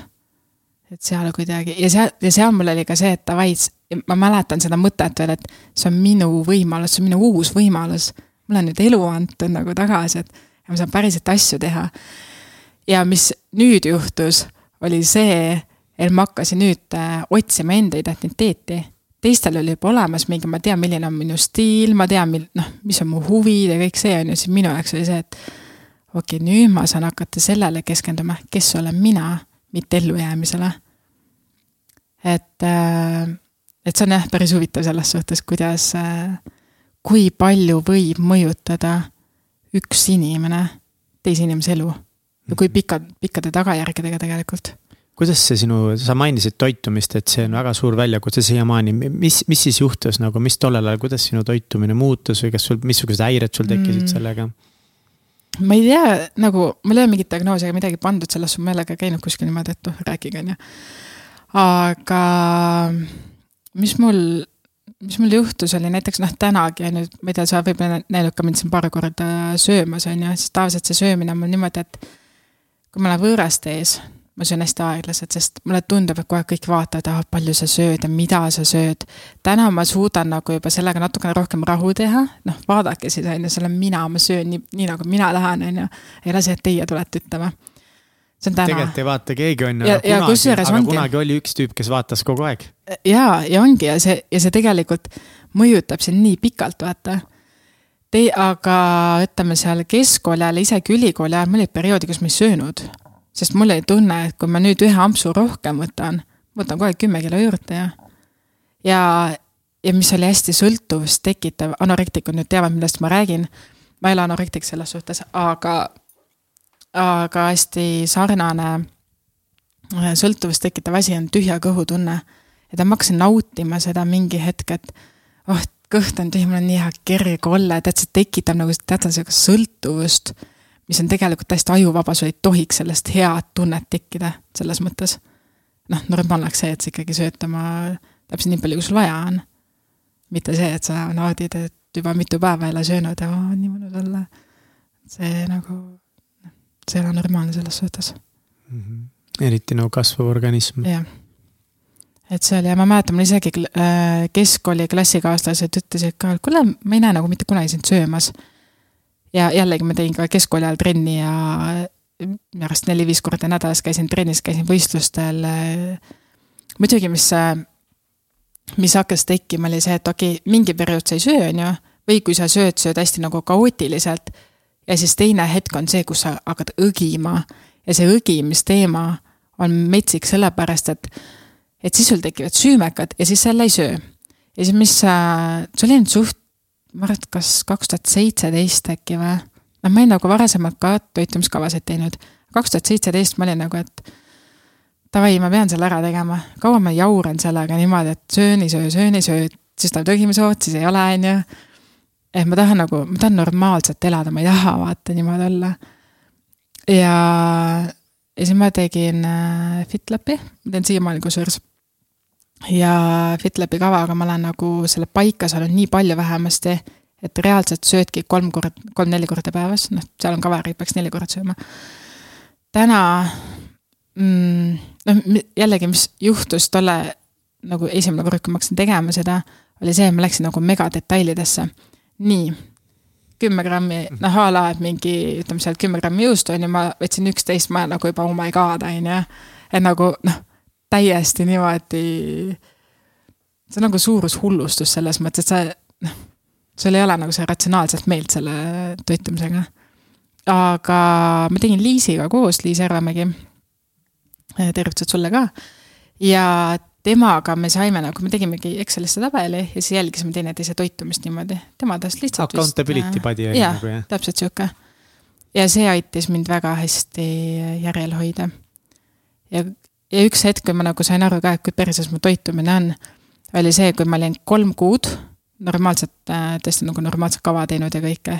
ja mul jäi ühe korra vist jäi vahele ja ma olin vanas, vanas äh, harjumustes tagasi kohe. mis see vana harjumus siis oli, et see, et sa ei söönud? ei söönud, siis. ja siis, kuni lõpuks kõht oli väga-väga tühi, siis nagu hakkasid hästi palju korraga sööma, siis tundsid ennast halvasti, siis jälle ei söönud. Et see nagu selline. kolm, noh muidu öeldakse, et kakskümmend üks päeva on vaata see, et sul on juba harjumus on ju, siis on see üheksakümmend päeva, kui nagu sa oled kinnistanud selle, siis on noh, sealt läheb edasi see. kui sul on kolm kuud, sa oled üli, ilusti nagu kava ja kõike teinud, on ju. ja sul läheb ühe korra, üks päev näiteks. ja sa oled tagasi vanas harjumustes. nagu kui tugev pidi see algus olema tegelikult selles suhtes. metsik. täna on mul muidugi see, et, et äh, ma olen teadlik, ma toitun üsnagi teadlikult. ja, ja kui mul tekibki nagu see, et davai, et tahaks nüüd ilgelt süüa, siis mul alati küsimus, miks. kas ma päriselt tahan süüa või ma tahan emotsiooni uputada, mis nagu, mis see ajend on, miks ma tegelikult süüa tahan. ja see nagu hoiab hästi hästi paigas seda toitumist ja kõike. Sa ütlesid, et oota, kas ma siis sain õigesti aru, et sa läksid Descartesi gümnaasiumi? jah, gümnaasiumis jah ja,. tahtsin täiega Descartesi saada, aga ma olin liiga loll, et sinna saada. kõik, kõik need sisseastumiskatsed kukkusid läbi seal põhimõtteliselt. vist see oli matta, inglise keel ja siis vist eh, eesti keel või kirjandus. kusjuures. ma ei mäleta, kui mina läksin, siis vist oli kolm nagu seda ja mul läks kõik jumala halvasti. ma neid katseid ei mäleta, ma mäletan ainult seda, et kui ma nägin seda kooli, ma teadsin, mul oli teadmine, jälle seesama teadmine. kommertsi saada, sorry sa oledki kommertsis ju? ei, ei, ai, sa olid jah. Mhm. aga jah, mul kommertsis olid mõned sõbrad ja ma tahtsin sinna saada. Mm, kõrvuti koolist. jah, ja mul oli üks, äh, üks mu girlfriend, äh, kes Descartesis, Kätlin Grünthal. tema või? jah. Nice ja me olime suhtes ühe suve, siis ta jättis maha mu. ja siis ma olin väga kurb, aga siis noh, ma olin noor, et elu läks edasi ta oli, ta oli äge, temaga seal lihtsalt elas seal kohe kõrval ka, kaardi mm. kõrval. ega vist küll jah, paljud elasid sealsamas kõrval mm. -hmm. ja no seal on ju elu, elurajoon jah. selle Aga... Descartesi kohta ma tahtsin veel seda öelda, et äh, et kui ma läksin neid sisseastumiskatseid tegema, ma mäletan jällegi see, seesama tunne tekkis või see teadmine tekkis, et äh, enne kui ma ise seal kooli reaalselt näinud, mul oli juba see teadmine, et ma olen seal koolis sees. ja mul on seda, sellist teadmist hakanud tekkima kuidagi see ei ole nagu noh, kuidas ma ütlen, see ei ole nagu tunne, aga sa näed, noh, ütleme, et kui sa näed enda jaoks õiget naist, siis on nagu see, et ma tean, et tema on see õige. mul oli see kooliga samamoodi ja mul on hakanud neid olukordi veel tekkima, kus ma vaatan ja ma, ma olen juba mingi, ma tean, ma olen seal kursusel, ma tean, et see on nagu minu koht, vaata. et hästi huvitav, noh, noorelt, vaata, nii noorelt tegelikult ja ma hakkasin nagu seda elu ka tajuma, et no noh ma tajusin ka nagunii elu teistmoodi, võrreldes siis oma elu, eakaaslastega. Aga jah, see teadmine seal oli ka noh, kuidagi nii vabastav, et ega ma kutsekasse ei lähe, ma olen seal koolis ju. ja sa kordagi seal ei tundnud mingit hirmu või muret, et äh, äkki läheb kõik uuesti halvaks, halvaks mm.? seal ma ei teadnud, sest seal ma kuidagi oligi, et noh, kõik on fun ja kõik on nagu tore ja inimesed on nii küpsed, ma olingi nagu üllatunud, et inimesed on nii küpsed mulle tundus, kusjuures noh, see maakooli kohta ma ei tea, on ju. Aga linnakooli omadega mulle üldse tundus, et olidki nagu inimesed küpsemad ja kuidagi nii mõistlikud ja noh, nagu hoopis teine maailm. kuidagi kiusamine, selles mõttes nagu noh, nüüd nagu vaadates nagu tagasi, siis jah, see, et nad on küpsemad küll kui põhikoolis on ju, aga noh üldiselt ma ikkagi gümnasiste väga küpseteks inimesteks ei kutsu, kui ma mõtlen iseenda peale, kui ma vaatan nagu mingi nooremaid, siis tunduvad ikka noh, tegelikult on päris lapsed veel, ma olin ikka jumal laps. võib-olla meie enda aga... klass oli selline hästi nagu. tead, see mõtteviis no, muutub ja ka. just nagu selle kiusamise perspektiivist vaata, sa kogesid lihtsalt nii kardinaalselt erinevat keskkonda järsku, minu jaoks oli sama asi, et ma jäin küll samasse kooli mm, -hmm. aga, aga väga paljud minu klassist ei jäänud.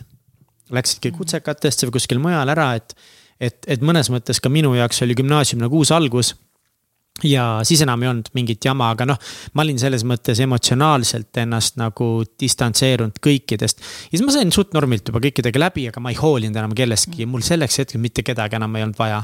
et ma olin nii nagu tugevaks teinud selle müüri enda sees, et ükskõik, mida mulle siis öeldud oleks, ma oleks, mul oleks nii pohhu olnud. ma ei hoolinud mitte kellestki seal ja ma nagu võib-olla tegin nägu vahepeal, et aa, nagu noh, et aa, mm. oleme sõbrad või tegin mingit nalja ja loomulikult tegime ägedaid pidusid vahepeal koos, et. et ikka elasin suhteliselt nagu küm-, elasin täitsa tavalise gümnaasiumi õpilase elu.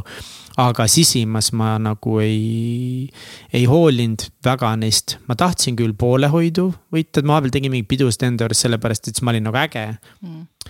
aga ma ei hoolinud nendest inimestest, ma tahtsin ainult äge olla et mul täiesti savi oli tegelikult, kes sinna peole tuleb seekord. et äh, ja oligi mingi erinevad inimesed niimoodi, et, et kuidagi see müür oli nagu nii, nii, nii tugev ja, ja see aitas ka nagu rahulikumalt elada, aga, aga no samas lihtsalt keegi ei viitsinudki jamada. ongi, kõik hakkasid mingit muud elu elama, vaat sul mhm. tulevadki mingid, kes hakkab mingi oma kodu peale mõtlema, vaata mõned võib-olla olidki mingid, mõned üksikud ägedad olid mingis korteris, keegi ostis auto ja et. et see muu maailm jõudis nii kohale, et koolist oli kõigil suhteliselt pohhu juba, meil ja. eriti, kus on suhteliselt kehv gümnaasium. et noh, põhikoolis oli niimoodi ikkagi, et kool oli lapse elu kese siis ei olnud väga palju midagi muud, on ju. no need, kes on mingid tublid trenni inimesed, nende jaoks on trenn veel väga suur osa lapsepõlvest, aga. aga kui ja, ja sa vaata, sa ütlesid ka, et need kiusajad, kes iga päev koolis, mul on sama asi. minu arust need kiusajad olid alati kohal, kunagi ja. nad ei õppinud aga see, need õppisid ka kurat. kurat, nad õppisid ka, minu omad olid sitad õpilased ka. aga nad olid iga päev kohal, sellepärast et nad ei tahtnud kodus olla vaata nende, nende jaoks kool oli äh,, päris mitme inimese jaoks kool oli ikkagi väljapääs oma terrorist, oma ja, põrgust. ja see oli ka minul. kellegi teise inimese põrguks siis selle kooli. ja see oli ka minul tegelikult äh, just see väljapääsu osa. et ma arvan, et üks põhjus, miks ma tegelikult trennis äh, käisin ja miks ma nagu võtsin lisatrenne veel ja miks ma nii hilja nagu koju läksin, oligi tihtipeale see, ma läks mingi kuue-seitsme ajal koju alles või mida teeb põhikooli õpilane, sul saab kell kolm hiljemalt, kell kolm saab sul äh, kool läbi. noh, võib-olla nelja-viieni teed trenni, mida sa edasi teed, on ju. jaa, aga sa oled kooli territooriumil veel, sa ei Aa. lähe koju, sa ei lähe, sa oled lihtsalt vaata kuskil, mida sa teed, on ju aga jaa, see väljapääsu osa oli küll nagu hästi tugev, sest hakkadki nagu vältima neid keskkondi, mis haavavad sind hästi palju. sa hakkad ju vältima tegelikult seda, mis sulle ei meeldi kuidas sul täna, Mihkel, äh, müüriga on? kas sa tunned, et see müür on nagu suht tugev ikkagi, mind ei mõjuta nagu väga miski, et ma olen selles mõttes, et vaata nagu ma olen küll emotsionaalne inimene mm., ma olen nagu rõõmsameelne või sihuke nagu väljaelav, et ma väljendan oma rõõmu väga hea meelega mm. -hmm aga kui midagi nagu pekki läheb või perse läheb otseselt või mingi tead nagu mingi ootamatud uudised tulevad ma ei, need ei kõiguta mind eriti, et ma olen nagu nii palju saanud neid ootamatuid hetki, kus kõnnid koju, keegi selja tagant järsku tuleb kallale sulle või keegi saadab sulle mingisuguse luuletuse. ootamatud, mis on, on nii ropp ja nii kole mm., nii hirmus, et lõpuks kuidagi ja kui ma võrkturundust tegin ka minu arust sellega, et nagu see on nagu teatud mingid, keegi hüppab alt ära või neid oli, et lõpuks see tegi nii tugevaks mind, et. näiteks mõne lähedase sugulase surma ma olen nii rahulikult nagu vastu võtnud, mis on väga veider, et kui vanaisa suri, ma olin Itaalias siis ja, ja noh, loomulikult see oli nagu what the fuck on ju, noh, et seda, seda noh, ongi nagu võib-olla sel hetkel olin šokis ka või ma ütlesin, ema helistas, et näed, et vanaisa suri ära umbes. aga ma kuidagi mäletan nagu seda, et, et ma tol hetkel ma ei nutnud nagu ja Jenny ükskord ütles mulle ka, et ma ei ole kunagi sind nagu nutmas näinud umbes, et nagu, et ongi, et mis sa oled nagu fake või, või noh, me, me nagu tülitasime mm -hmm. natukese nagu ja ma olin mingi jobu olin jälle ja. ja nagu ta põhjusega tähendab, olingi, olingi jobu natukese asja pärast. ja siis ma mäletan, ta kuidagi ütles ka, et, ma ei ole nagu umbes päriselt kunagi näinud oma nagu kurbust avaldamas. see tuleb äh, tagasi saate alguse juurde, kus ma ütlesin, et, et sa räägid endast, aga sa näitad emotsiooni ja see on see, kus inimesed connect, äh, jah, inimesed connect ivad emotsiooni pealt rohkem yeah.. nagu selles mõttes, et kui sa räägid ja sul tekib see emotsioon sinna juurde, siis inimesed näevad, et sa oled siiras. nii kaua, kuni see müür on ees ja nii kaua, kuni on äh,, räägid, aga emotsioon, emotsiooni ei näita, siis inimesed tajuvadki seda, et okei okay,, miks sa seda räägid üldse, et noh. kas on äh, kuskilt õpitud jutt sul või nagu milleks, on ju. Mhm. et see nagu on.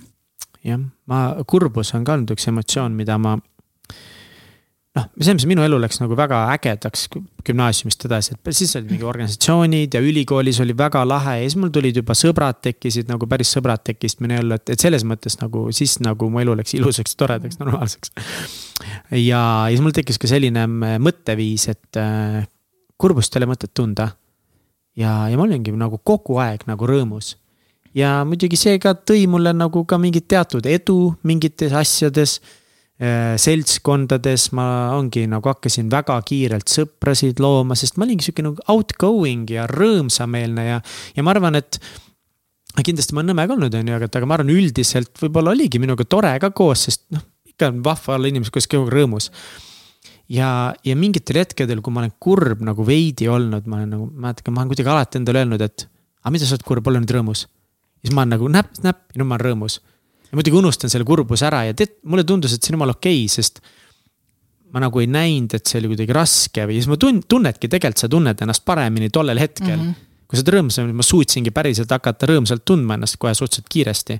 aga nüüd nagu noh, ongi nüüd, kui ma olen natuke sügavale läinud, siis ma saan aru, et tegelikult minu sees on ikkagi väga palju midagi sellist, mida ma ei ole osanud läbi elada, mille ma olen alla surunud kuskile ja ja kurbus on ka võib-olla emotsioon, mida ikka peab tundma tegelikult läbi elama ma just tahtsingi küsida su käest, et mis sa arvad, et kas võib olla hoopis see, et sa teadlikult surud neid asju alla mm? -hmm.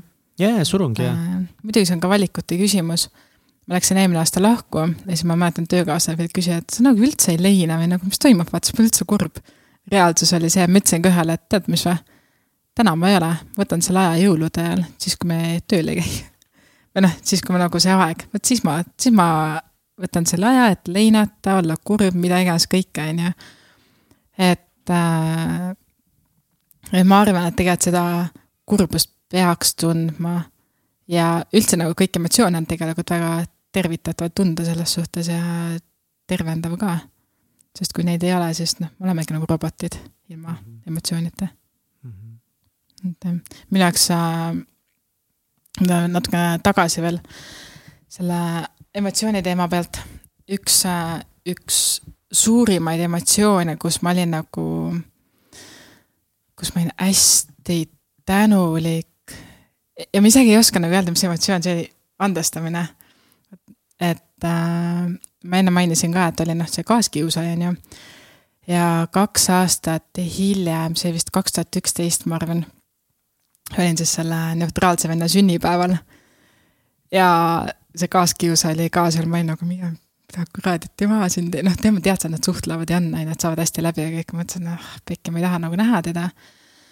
ja ta tuli mu juurde, ütles niimoodi, et kuule, Triin, et äh, ma tahan rääkida sinuga. ma nagu, et okei okay,, millest meil rääkida on, vaata mm. -hmm. kuigi mul oli austus ta vastu olemas, ma noh, nägin. sa enne mainisid ka seda, mida sa austasid tema juures, kui ta oli kaaskiusaja äh,? ma teadsin ta tausta, ka tema oli ta, teda kiusati samamoodi kunagi ja ma mõistsin, vaata tema puhul oli see, ma nagu mõistsin, miks ta seda teeb. ja, ja noh, üks põhjus, aga miks ma nimesid praegu ei taha ka nimetada, on see, et ta on pigem nagu avaliku elu tegelane, ma ütleks, oma ringkonnas kindlasti. ja, ja noh, tema leidis ka spordi tänu sellele, et teda vaata kiusati mm. ja tookord, kui ta tuli minu juurde, et kuule, ma tahan rääkida sinuga ja ta ütles mulle niimoodi, et tead, ma ei, ma ei tea, miks, kuidas sa nagu üle elasid selle, see oli kohutav, mida ma tegin sulle. inimene, kes tegelikult on olnud mõlemas, no mõlemal poolel, ta on olnud kiusatav ja ta on olnud kiusaja ja ta tuleb, ütleb ise sulle välja, et anna mulle andeks. et ma, et ma kiusasin, et ma olin selline, nagu ma olin. ma tegin seda sellepärast, ta põhjendas mulle ära, et see ma ei ole vist kunagi nii siirast vabandust kuulnud kui selle inimese suust.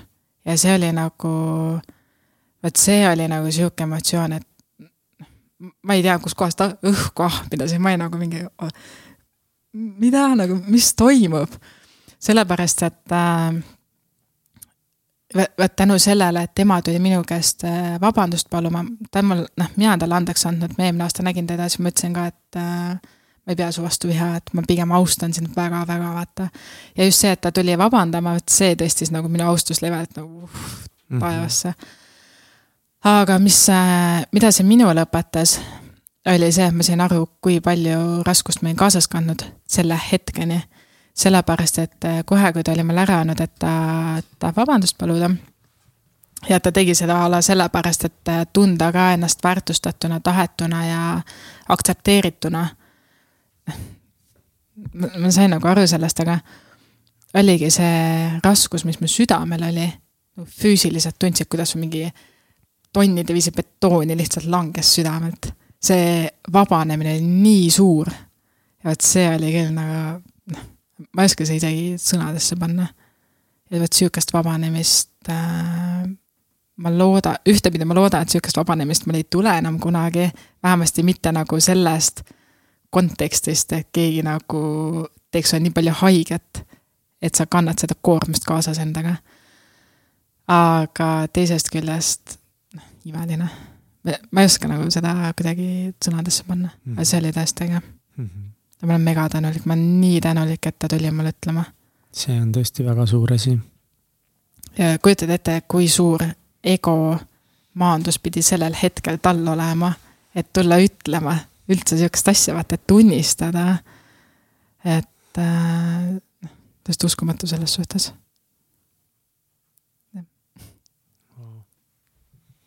ja see on see andestamine ja see on nagu keeruline teema, sest mm -hmm. kui minu elus ka kõik see jama oli, siis oi, kuidas ma kujutasin ette lihtsalt, millist piinarikast surma kõik need äh, kiusajad sureksid ma ei tea, ma ei mäleta, kas ma iga päev selle peale mõtlesin umbes, aga no ma ikka palju kujutasin ette õhtul magama minnes, ma, ma, ma hästi palju kujutasin nagu magama jättes igasuguseid nagu lugusid ette, aga mis noh, mingid super, no mingid nagu fiktiivsed superkangelaste lugusid ma kujutasin hästi palju ette.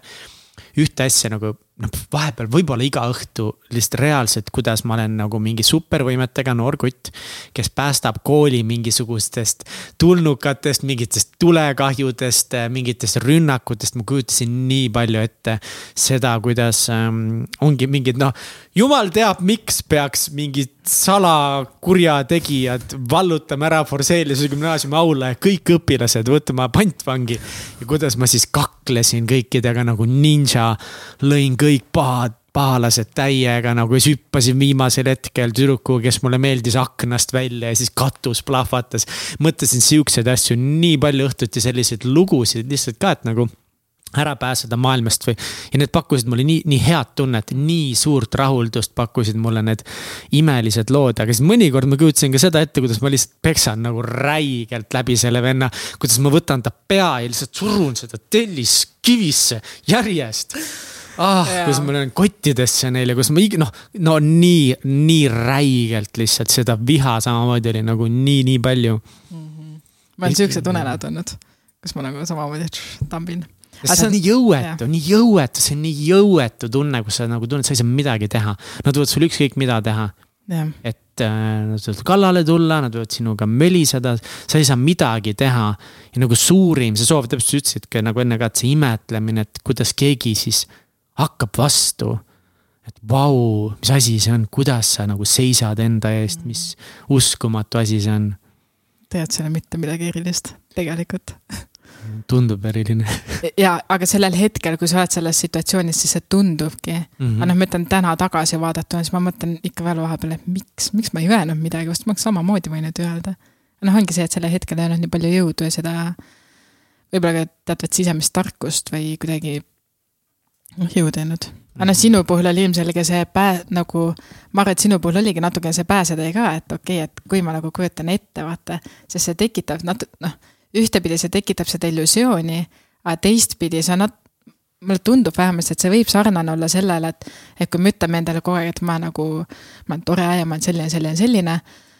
et sinu puhul siis tekib see, kuidas ma ütlen, nagu pumbatud lihase niisugune efekt, vaata, et oh, ma olengi tegelikult suurem ja mm -hmm. parem. mingi teatud eneseväärikuse saan just, tagasi. just, just. et äh, ja see annab jällegi jõudu, vaata teistpidi, et kui keegi nüüd midagi ütlema, siis aga enda kujutlusvõimes ma olen ju sihuke mm -hmm. nagu need pildid, et äh, kass vaatab peeglisse, vaatab seal, oo lõbi, on ju. et noh, sama, sama mm -hmm. asi. see ongi äge. illusioonides elamine on äh, minu arust nii, kohati on see nii mõnus, kui sa teed seda teadlikult.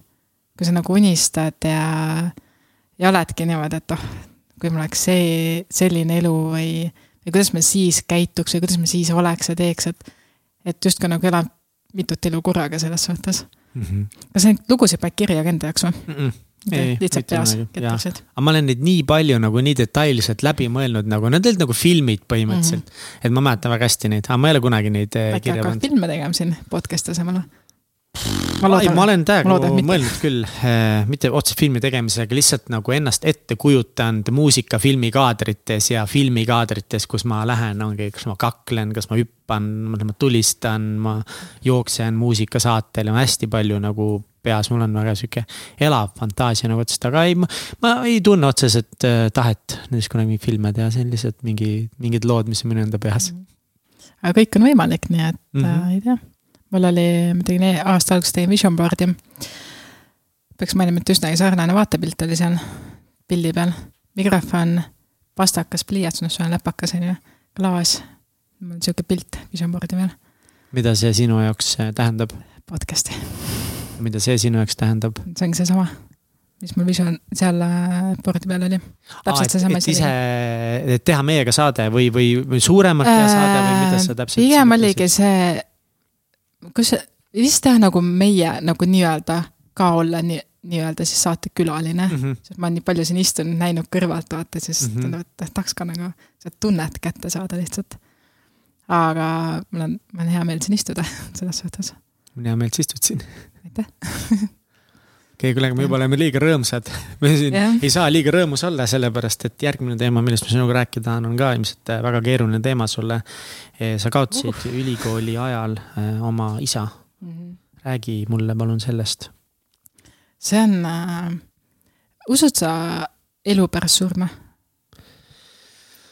ma ei ütle ei ega jaa, ma ei tea, ma ei ole päris kindel. sihuke nagu ma ei, jah, nagu, mis see tähendab elu pärast surma, mida sa silmas pead, nagu sa ei praegu pea silmas mm -hmm. taassündi, vaid sa pead silmas. pigem jah, nagu kas taassünd või, või see, et ala ei hing sureb või noh, keha sureb ja kas sinu jaoks on nagu see, et keha sureb ära ja siis on nagu psüo, noh, ongi nagu kõik mm -hmm. Või või mingid energiajäägid või? minu hing äh, läheb nüüd mingisuguse äh, lapse sisse kuskil mm -hmm. Nepaalis ja siis tema seal ja siis tema läheb kunagi lapse sisse kuskil New Yorgis ja et ma nagu seda otseselt ei usu, et minu hing mm -hmm. läheb mingi teise inimese sisse, kui mina ära suren. lihtsalt istub seal taevas pilvetiiril. ma ei tea, ma ei tea, ma arvan, et ma ei usu otseselt hinge, ma kindlasti nagu on mingi teatud energia või mingi, meil on noh, nagu mm -hmm. inimestel on hing nagu selles mõttes küll ja, aga ma ei usu seda hinge kui nagu mingi füüsilist objekti, mis lendab minust välja ja teeb mm -hmm. mingeid oma otsuseid, aga meie sees kindlasti on midagi enamat kui lihtsalt aatomid, eh, mis on nagu katseklaasis kokku pandud mm. -hmm. nii et eh, see on nagu väga raske vastus su küsimusele, et ma ei tea täpselt, aga ma nagu millessegi väga konkreetsesse ei usu. okei okay., sest äh, ma olin ise Hispaanias mm, -hmm. sa ütlesid enne, et sa olid Ita-, Itaalias vist on ju, kui sul yeah, vanaisa suri jah. siis mul tuli kohe, et oh, ma olin Hispaanias samal ajal mm. aga, aga meil oli hästi huvitav oli see, et mul isa lahkus pärast jaanipäeva, kaks tuhat kolmteist. ja ma arvan, et see oli kuskil aprill, midagi sihukest, kui ma hakkasin tolleaegsele kutile rääkima, et ma ei kujuta või nagu kuidas ma hakkama saan, kui mul ühte vanaemat ei ole, ma hakkasin nagu intuitiivselt rääkima seda hästi palju millegipärast võib-olla natuke nagu tundsin kurbust ka ja noh, nagu reaalselt mõtlesin, kuidas, on ju. ja siis äh, mai lõpus isa viis mind äh, Tartu bussijaama ja noh, umbes, et lähed Hispaaniasse ära ja have fun, vaata. ja mis mul juhtus, oli see, et ma panin äh,, ühesõnaga läksin autouksest välja, ütlesin talle niimoodi, et davai, et sügisel näeme, kui näeme autoks kinni. minu reaalselt viimased sõnad isale. ma ei tea, miks ma nagu lisasin selle kui näeme, sest see oligi see paus ja siis kui näeme. ja jällegi hästi, hästi huvitav aeg oli selles suhtes, et noh, nagu ikka esimesed neli nädalat jumala fun vaata Hispaanias. ja siis äh, kirjutati niimoodi, et võtame emaga ühendust, võtsin emaga ja, ja kui ma olin selle lause ära lugenud, mõtlesin, et vanaema, ei, ei vanaemaga kõik hästi, et isaga midagi. Nagu kohe tuli see, et isaga on midagi. ja siis äh, läksin hotelli fuajeesse, ma tegin Erasmuse praktikat Hispaanias hotellis. Läksin sinna fuajeesse, küsisin, et kuulge, et äh, mulle öelda, ma pean koju helistama, et äh, kas ma tohin telefoni kasutada. helistasin koju, ema ütles, et sul isa ei ole enam. ja siis mulle, et okei okay,, selge. terve maailm varises kokku sellel hetkel ja oi, neid enesesüüdistusi, ma olin nii palju enesesüüdistusi pärast seda, sest ma mõtlesin, et aga ma ei teadsin ette, kuidas see võimalik on, et ma hakkasin nagu aprillis rääkima, ma kuidagi nagu tajusin, vaata, siis kusjuures äh, samal nädalal ma nägin unenägusid, noh, ma näen nagu suht tihti unenägusid, suht iga öö, vaata. aga too nädal oli sihuke, kus ma nägin, ma vist nägin verd unes või midagi sihukest. ja see ei olnud nagu tavaline, vaid see oli selline, kus ma tundsin siit kohast, siin on meil päikesepõimik, alateadvus on ju kus ma tundsin, et ma pean selle välja saama, et see, see, see tunne oli nii tugev kuidagi, ma pidin nagu sellest unenägusest rääkima kellelegi, vaata. ja siis ma mõtlesin ka, et huvitav, mis see tähendab ja selle hetke ma ei teadnud veel. ja siis, kui ma teadasin, ma mõtlesin, et okei okay,, mida nagu, mis asi see just oli, on ju. ja siis ma uurisin ära välja ka, mida, mida mu unenäod päriselt tähendasid, siis tuligi see, et ma ei mäleta, kas sugulastega kokkusaamine või surm või mingi sihuke asi oli. lendasin Eestisse tagasi, lendasin Eestisse, matused ära läksin Hispaaniasse tagasi. sest ühe korra oli niimoodi, et äh, magasin, ma ainult magasin esimesed, ma ei tea, mitu nädalat, ma reaalselt magasin lihtsalt. korra küsin vahele, kas äh, oled nõus ka, aga mis su isaga juhtus äh,? tööõnnetus, elektrilöök, ta oli elektrik muidu. tegelikult mm.? et see ah. oli nagu palk selgest taevast. aga jah, ma mäletan, ma olingi Hispaanias, magasin seal päevasel ajal, siis ma ärkan üles ja vaatan voodi kõrvale, tajusin vaata, et ta nagu mu kõrval, ma ütlesin talle, et isa, et äh, palun mine ära. ma saatsin ta minema tol hetkel. ja minu põhjus, miks ma magasin nii palju, reaalselt ma, kui ma tööle ei jäänud, siis ma magasin päevatöö, ma ei tea, kas inimene üldse, noh, ju siis on võimeline nii palju magama. aga mind motiveeris see, ma nägin isa unes kogu aeg. ja mul oli kursakas minuga samal ajal, ma olen nagu tuhatanud alla valgu sellepärast, et äh, tema oli inimene, kes tõmbas mind kaasa Hispaanias igale poole, et ütles, et davai, sa ei jää magama, nii, nüüd lähme teeme seda, lähme teeme seda, lähme teeme seda. et see Hispaania elu, see oli nagu fine, on ju, sest seal me nagu nii kaugel sellest ja noh, ikka mõtled. piisavalt palju oli nagu mingeid siukseid segavaid faktoreid, mis nüüd mõtte eemale. täpselt nagu,, täpselt. aga samas ühtepidi ja teistpidi nagu see, ma olin nagu mega tänulik. sest ma mäletan ka, et ma veel mõtlesin, et oh, tore vaata, et ära suri, et, et aitäh, aitäh selle võimaluse eest, sest nüüd sa saad ju kogu aeg minuga olla. See oli nagu minu mõte sellel hetkel, et see on nagu hinge tasandil, see on nüüd kogu aeg minuga olla. nagu kerib nagu šokk ja samas on nagu see, et tänulikkus vaata. okei okay,, väga huvitav idee. jaa, sest ma ise usun nagu elu pärast äh, surma ka vaata mm, -hmm. et see noh, hing veel rändab ringi, ringi ja need asjad, et see kuidagi mind nagu lohutas sellel hetkel. lihtsalt see nagu, mitte teadmine, aga see mõte, et nüüd ta ongi minuga kogu aeg.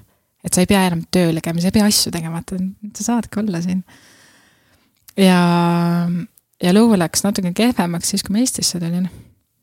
et ma käisin Saaremaal koolis too aeg. ja, vot siis läks äh, pekki, ma ütleks. noh, nüüd ma ütleks, et esimest korda elus, kus mul päriselt läks pekki asjad.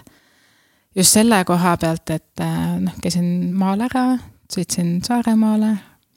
inimesed äh, käivad koolis ilusti õpivad, istuvad seal tundides ja teevad asju. sa ei jõudnud oma isa matustele ka siis? ma käisin, matustel ma käisin, aga ma läksin Hispaaniasse tagasi. tagasi, okei okay.. ja, ja siis, mis juhtus, oli see, ma hakkasin jooma. ja ma, ma siiamaani mõtlen, kuidas see võimalik on, ma tegelikult teinud päris palju. Äh, ma olen rääkinud ka alkohoolikutega, kes on kogemusnõustajad ja nemad on öelnud, et tegelikult äh, sööb põhimõtteliselt alkohoolik sellel perioodil. selle, noh, nagu arvestades neid koguseid lihtsalt mm. -hmm. mõtled ka, et noh, üks pudel veini ei ole nagu nii palju, on ju, aga kui sa oled üks-kaks pudelit veini iga päev, mitu kuud, siis äh, ja nädalavahetused on ju nagu asjad ja ma päris nagu, päris algust ma ei mäleta, seepärast Hispaania oli ka sihuke, noh, seal oli nagu kõik, seal oli nagu tööd ja seal oli lõbu ja noh, seal oli nagu kõik, vaata peod ja kõik nagu. muidugi noor suhtes. inimene, Rasmus, kõik need rahvustunded, see peabki Just. pidu olema mõnes mõttes no, nagu vaata. ülikool ju, ma ei, ma ei tea kedagi, kelle jaoks ülikool ei ole väga suur pidu olnud. no täpselt. aga mul oli jah, võib-olla nagu, mis eristas sellest, oligi see, et ma ei jõudnud kooli enam.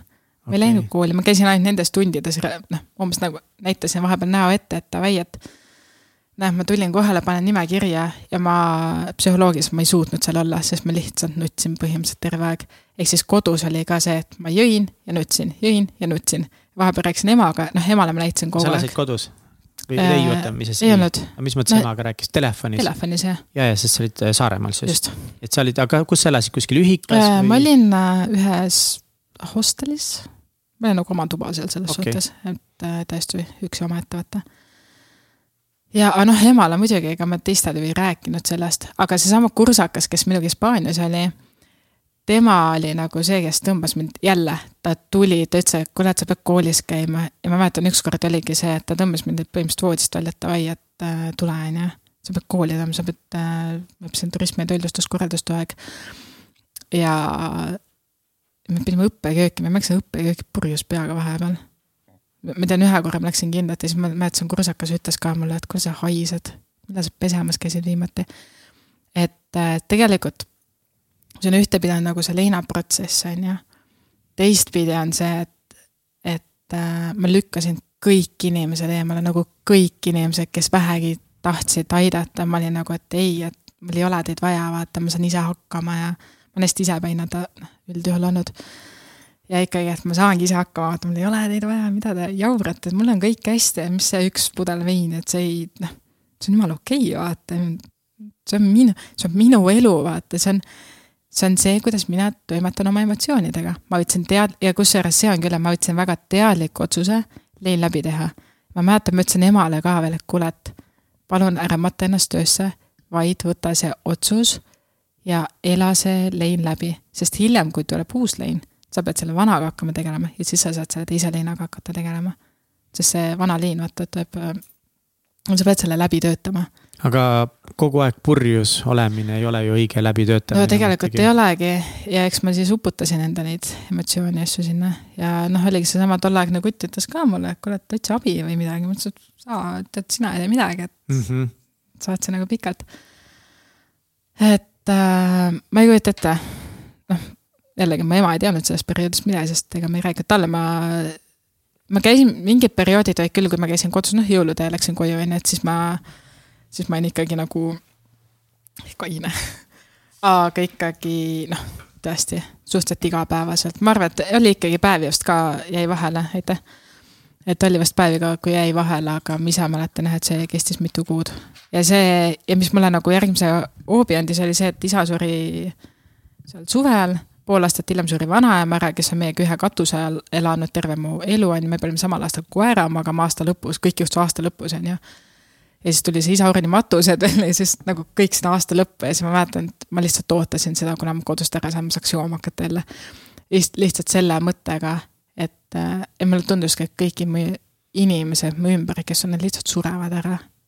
et see, see psühholoogiliselt oli kuidagi nii kurnav ja selline, aga selle kõige kõrvalt, ma ei tea, kuidas ma suutsin, aga selle kõige kõrvalt ma sain kooliasjad tehtud.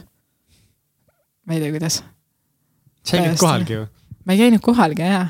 aga ma sain need asjad tehtud, muidugi ma seal ühele õppejõule vist ütlesin ka midagi, plärtsusin temaga veits, aga noh. jah, ma ei tea. see on natuke seesama, et kui noh, põhikooli ajal ma mõtlen, et kuidas ma seal nagu hakkama sain, siis nüüd on nagu kuidas? aga mis sa tegid kodus? selles mõttes, et nagu, kas jõid, vaatasid äh, lage lihtsalt või sa vaatasid mingeid filme, proovisid oma mõtte nagu eemale viia? ei, ma absoluutselt mitte. ma võtsin teadlikult, üsnagi nagu teadlikult ma mõtlesin ta peale hästi palju okay.. ja siis mingi hetk nagu tekkis see viha.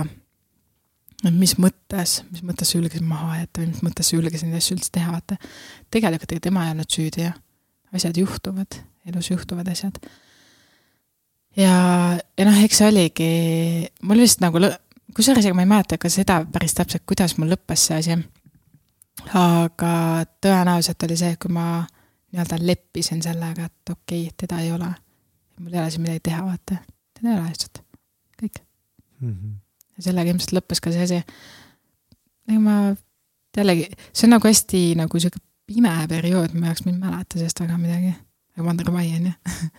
aga jah, ma päriselt äh, väga ei mäletagi, kui sa nüüd küsima hakkad. kuidas sa sellest välja tulid? Ähm, öeldakse niimoodi, et esimesed, äh, esimene aasta Liinas on kõige raskem aasta. sest noh, siis ongi need esimesed tähtpäevad olete üksi või noh, esimesed tähtpäevad ilma selle inimeseta. Noh, teine aasta oli ka nagu üsnagi sihuke raske, on ju, aga sealt edasi juba läks lihtsamalt, et esimesed viis aastat on kõige nagu sellisem, kus sa tegelikult äh, õpid elama selle uue olukorraga, ütleme nii. ja noh, pärast seda siis on nagu see, et paratamatus, on ju. aga kuidas sa sellest aga joomise tsüklist välja tulid? ma ei mäleta, ausalt, ma ei mäleta seda. sest see on nii tume aeg mu jaoks kuidagi. vist oli ka see, et ma olin nagu vennale, keskkooli ajal ma ütlesin vennale niimoodi, et davai, mina tulen raamatuid müüma. ma hakkasin keskkooli ajal raha korjama selle, noh nagu teenima selle nimel, et ma saaks esimene kursus, esimene aasta ülikoolis minna rämpsu müüma.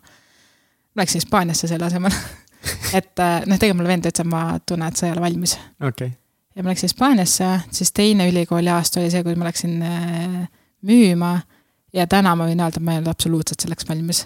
Ja just sellepärast, et ma mõtetega olin nagu sellest leinast nii tugevalt kinni, mu fookus oligi, ma mäletan, ma nägin ühte pere, isa mängis oma väikse tütrega, ma lihtsalt vaatasin, ma lihtsalt, noh, pisarad voolu, mõtlesin nagu, miks, miks te saadate mulle siukseid asju tee peale. et, äh, et see oligi see esimene aasta, kus mu see fookus oli täiesti ära tegelikult jah. ma mäletan ka seda, ma ütlesin vennale ka, et, et kui see nädal tuleb, siis äh, tõenäoliselt ma helistan sulle, ma lihtsalt nutan sul hommikuti telefon, telefoni otsas, noh, sest minu jaoks oligi nagu sihuke hästi keeruline aeg, tema võttis rohkem mõistusega mm. -hmm aga põhimõtteliselt siis äh, sa läksidki raamatuid müüma ära ja siis kuidagi see aitas sul sellest alkoholitsüklist välja tulla vist? ei, ikka enne, sest enne äh, jaa, ma arvan, et kuskil jaanuarist. joomine sinu jaoks või? ma ei mäleta, tõenäoliselt ma ei mäleta okay. seda aga ilmselt seal kuskil jaanuarist äh, oli nagu enam-vähem niimoodi. Sest noh, mingi hetk ma saan ise ka aru, et noh, see ei ole normaalne, vaata. ma päriselt pean, muidugi mul on see ka, et kui keegi ütleb, et sa pead, vaata, otsi abi, siis ma mingi, otsi ise abi. et ei, et ma pean ise jõudma nende otsusteni või nende teadmisteni, et siis. jah. aga jah, ju ma, ju ma olin selle valiku enda jaoks teinud, et okei okay,, nüüd on nagu aeg olgu. aeg edasi liikuda. aga eh, mis sa Ameerikas eh, raamatumüümist õppisid või mis see, mis see kogemus sulle andis um,? Üks põhjus, et miks ma läksin sinna, oli see enesekindluse teema. sest uh, mu enesekindlus oli tohutult madal, ikka veel nagu. et uh, kui uh, põhikooli lõpetasin kaks tuhat üheksa, Rampsi läks müüma kaks tuhat neliteist esimene suvi, siis noh, sel-, sellest nagu enesekindluselt polnud haisugi põhimõtteliselt, see, ma olin madalam kui muru. ma ei oska ise nagu kirjeldada, kui madal see oli. Ma ei, ma mäletan, ma nägin äh,, mul vend veel ütles, et ah, et äh, mine tee neid noh, müügitsükleid vaata läbi. et siin neid vaba inimesi on küll, mine approach'i kedagi. ma siis vaatasin ka umbes, et no keda või kuidas või nagu mida ma ütlen neile, ma täiega kartsin, ma niimoodi kartsin ja nii pelgasin inimestega rääkimist tegelikult ja siis ma mõtlesin, et okei okay,, aga mis põhjusel, mis põhjustel ma lähen müüma, psühholoogia äh,, kehakeelt õppida ja enesekindlus, on ju. Kui mulle põhikoolis ütles äh, psühholoog, et hakka rääkima noh, endast nagu positiivseid asju, kõike seda, siis äh, raamatute müük, täpselt sama asi, vaata, seal õpetati ka sedasama asja ja siis mul oli mingi täiesti flashback, et oh, oh vau, vaata. Te õpetate sama asja, ma juba teadsin seda varasemalt ja ma olen juba varasemalt praktiseerinud seda, aga teie teete ka seda siin, väga äge ja, ja oligi, et ma mäletan esimesest aastast ma tulin tagasi. Ma sain aru, et mingid räme muutused on toimumas, aga ma ei saanud aru, mis muutused. ma olin nagu lihtsalt nii, nii kaos oli minu sees ilmselt, et ma reaalselt ei saanud aru, mis toimub. ja siis, kui ma läksin teise suvesse, tegin oma esimese koputuse, siis ma olin mingi, aa vau, ma olen enesekindlam. alles siis nagu mingi aasta hiljem, et aa vau, äge. siis äh, ja siis kolmas suvi oli juba see, kus ma nagu reaalselt tundsin suve jooksul, ma inimesena kasvan. ja sealt, äh, sealt edasi on nagu see enesekindlus, ütleme, et noh, laias laastus on mingi kaheksa kuni kümme aastat läinud selle jaoks, et ma olen saanud enesekindlamaks. ja noh, täna ma julgen öelda, et ma olen tegelikult üsnagi enesekindel, muidu ma Mihkel ei istuksin mm. -hmm. selles suhtes. et äh,, et väga palju aega ikkagi võttis see, et kogu see töö, mis oli kahe aastaga maha tallatud või noh, maha tehtud selles suhtes. et kaheksa aastat tagasi niimoodi, et õppida ujuma uuesti. Et raamatute müük on mine-, selles suhtes väga hästi mõjunud mulle küll aga üks asi, mida ma kindlasti õppisin sealt äh,, on see, et kui sa tunned, et see aeg on läbi sinu jaoks, mine edasi. ära jää, ära jää nagu sellesse kohta sellepärast, et teised ütlevad või et äkki see on kasulik või ära jää sinna, mine lihtsalt edasi. lihtsalt ära jää kinni nagu kuskil, jah? just, sest mina jäin nagu kinni, ma hakkasin nagu kuulama liiga palju teisi ja ma unustasin iseennast kuulata. et äh,, et jah, ja lõpuks tuligi nagu äh, sest viimase, ma tegin neli suve. sest viimasest suvest, kui ma tulin, ma olin nagu täiesti nagu blokeerinud kõigest, ma mõtlesin ka, ma ei, ma ei taha mitte ühtegi samm, ma ei taha müüki, ma ei taha isegi seal mingit sõna kuulda. ma nagu nii suur plokk tuli sellega peale, et ei, ei tahtnud. aga inimese arenguna oli see super mm. -hmm. et see ma võtan Kaido Kubri, kes seda osa kuulanud, kuulake. tegin temaga diski päris mitu korda tegin ja siis äh, kas see oli vist enne teist suve, ma ei mäleta, mis mul need tulemused olid, aga ma tulin teisest suvest tagasi ja ta ütles, et noh, istusime seal Bigbenis äkki, Tartus. ma ütlesin, et noh, ja mis mu tulemused on siis? ta ütles, mis oli raske suvi, ma ütlesin, et ei noh, mina ei tea, normaalne vaata. Siis küsis, mis su tulemused on, ütlesin, et täis driver vaata E-, ehk siis tema, ta ütles ka, et see muutus, mis sinus on olnud, inimestel võtab see aastaid, sul võttis kolm kuud aega. nagu see isiksuse muutus Eestis yeah. nii suur, ehk ma kasvasin nagu nii palju selle teise suvega, inimesena eelkõige mm.. ja see, jällegi see enesekindluse teema tuli ka sealt hästi palju. et jah. see on ikka korralik seiklus just iseenda ja mis sinu ähm, mis sinu visioon või eesmärk täna on? täna mm,? ilmselt nagu sa oled aru ma olen üsnagi esoteeriline inimene tegelikult. ehk äh, ma olen hästi selline jalgade maa peal, peaga õhus, kuskil pilvedes. et ma neid kahte asja tahaks nagu kokku tuua. ehk äh, üks asi, no ütleme, see koolivägivalla teema on hästi nagu sihuke raske teema paljudele mm. -hmm ja ütleme niimoodi, ma tahaks olla ühtepidi kogemusnõustaja, teistpidi on nagu see, ma tahaks äh, laias laastus, ma näen ennast äh, nõustaja või terapeudina. ja, ja mul on nagu see teaduspõhine taust ja samas mul on ka see esoteeriline taust. aga ma ei kasutaks seda esoteerilist tausta, kui ma näen, et minu vastas istub inimene, kes on väga, väga teaduslik või hästi nagu sihuke pragmaatiline, ütleme nii et äh, see oleks niisugune mõnus kombo, mida ma tegelikult teha tahaks. aga täna ma liigun selles suunas, et äh, saada kogemusnõustajaks just sellesama teemaga, selle koolivägivallaga. ja madala enesehinnanguga. sest ma tunnen, et see on nagu nii, nii oluline teema ja ja üks asi on see, et ta on oluline teema ja teine asi on see, et et kui sa ei ole seda kogenud tegelikult sellisel noh vahet ei ole, mis tasemel. Aga kui sa ei ole seda kogenud, sa ei saa aru, vaata, mida see tegelikult tähendab. sina saad aru, sellepärast et sul on sama teema olnud.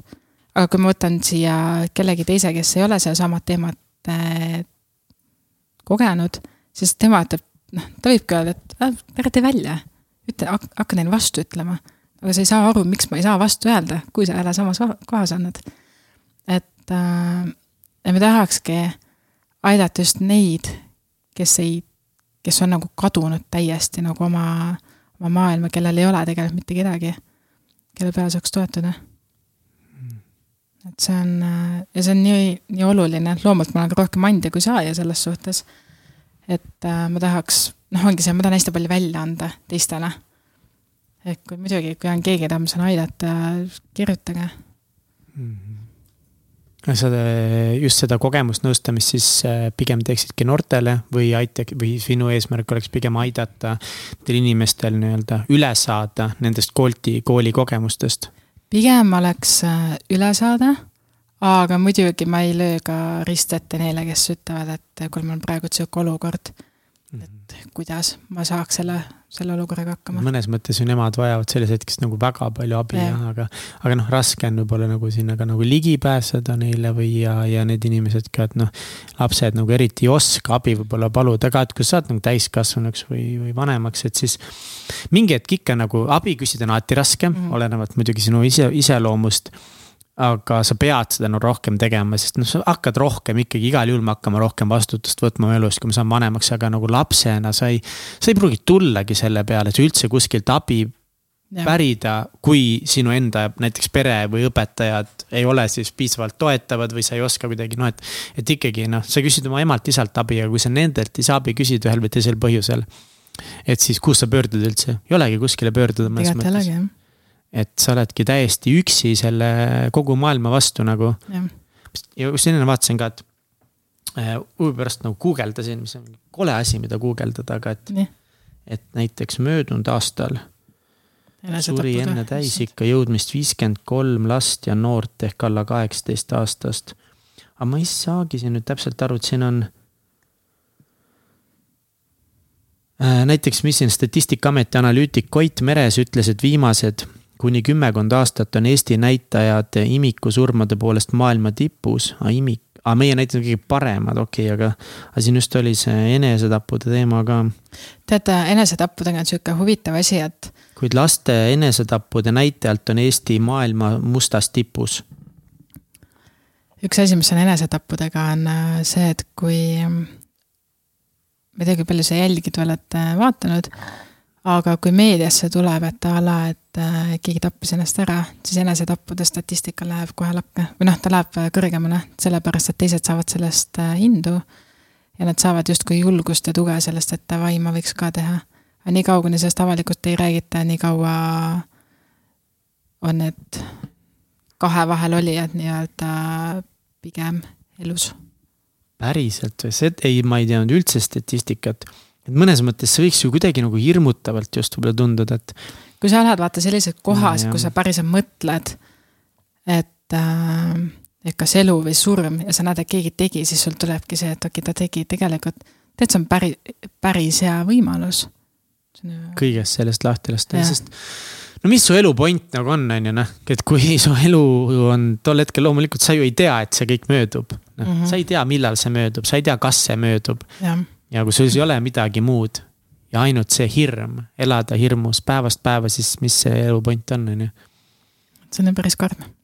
see on, see on väga karm ma olen väga õnnelik, et mina kunagi iseendale midagi ei teinud või ei, ei nagu ei mõelnud isegi tõsiselt selle peale, loomulikult nagu mingi noh, ikka nagu tead pool, poolkõvalt nagu mõtled, ah nii palju lihtsam oleks, kui mind poleks olemas, on ju, aga, aga ma kunagi ei mõelnud seda nagu tõsiselt, ma mm. päriselt teeks midagi endale ja. ja oligi ilmselt tänu sellele, et, et ikkagi välja, väljaspool kooli mul oli neid pääsejaid, arvutimängud samamoodi hästi palju, mängisin arvutimänge sul on täna ka vist ju? jah, siiamaani mängin arvutimänge väga palju ja arvutimängud on nii lahedad ja mul on kindlasti arvutimängu sõltuvus äh,. ma ei tea, kas enam on, võib-olla on, on olnud. aga noh, vaata nagu alkohoolikud ütlevad, äh, mis on minu jaoks nagu hästi arusaamatu mingi hetk.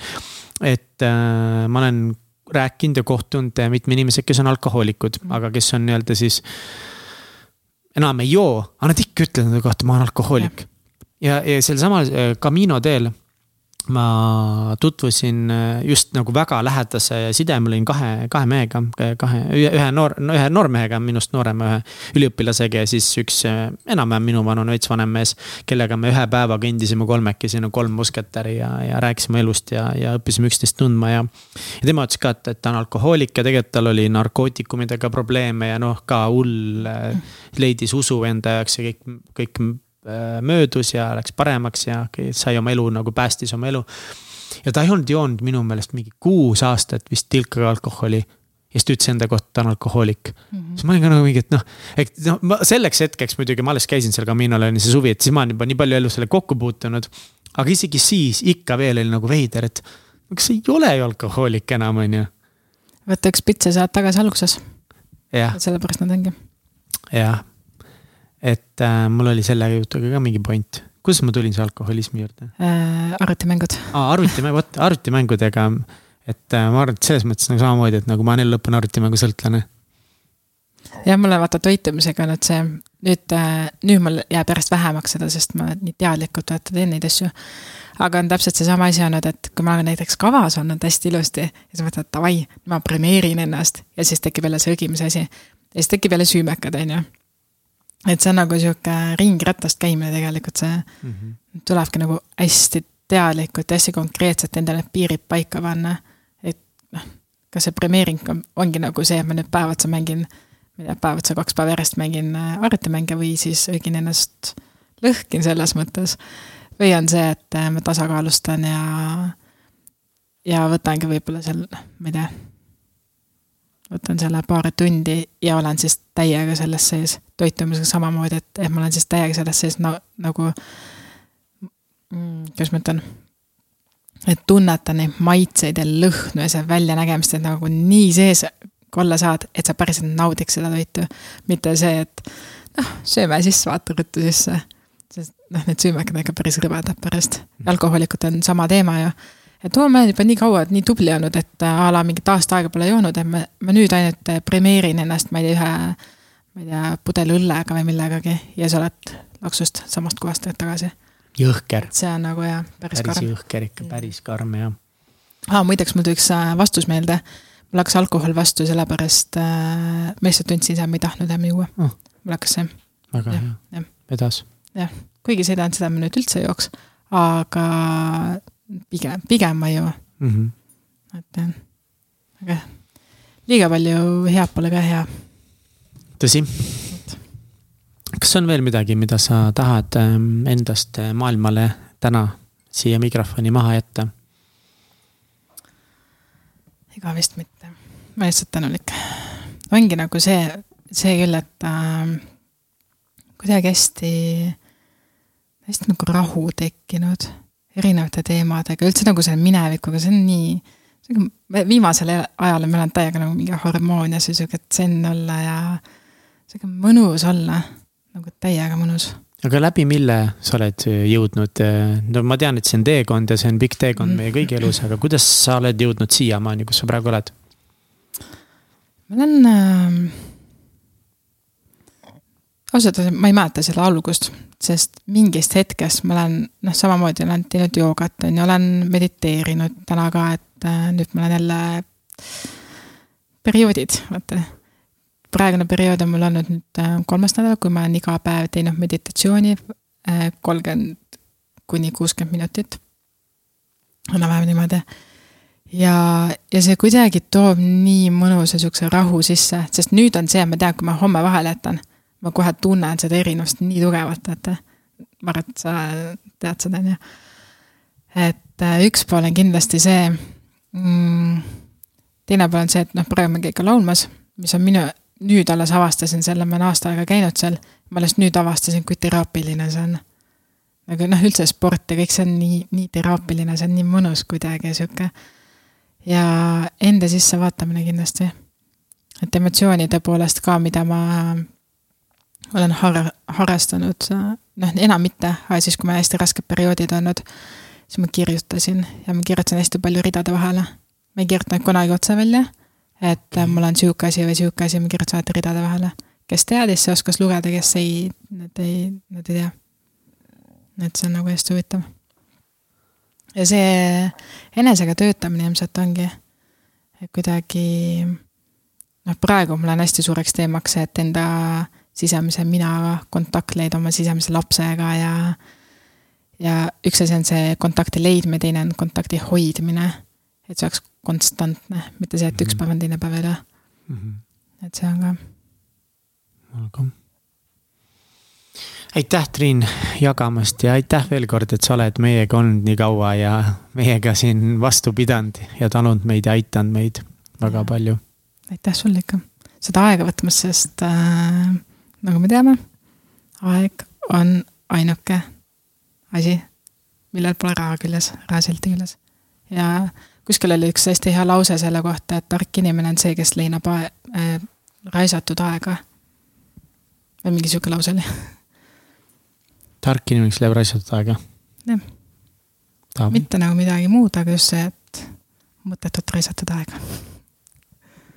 Cool, aitäh sulle, Triin aitäh sulle, Mihkel!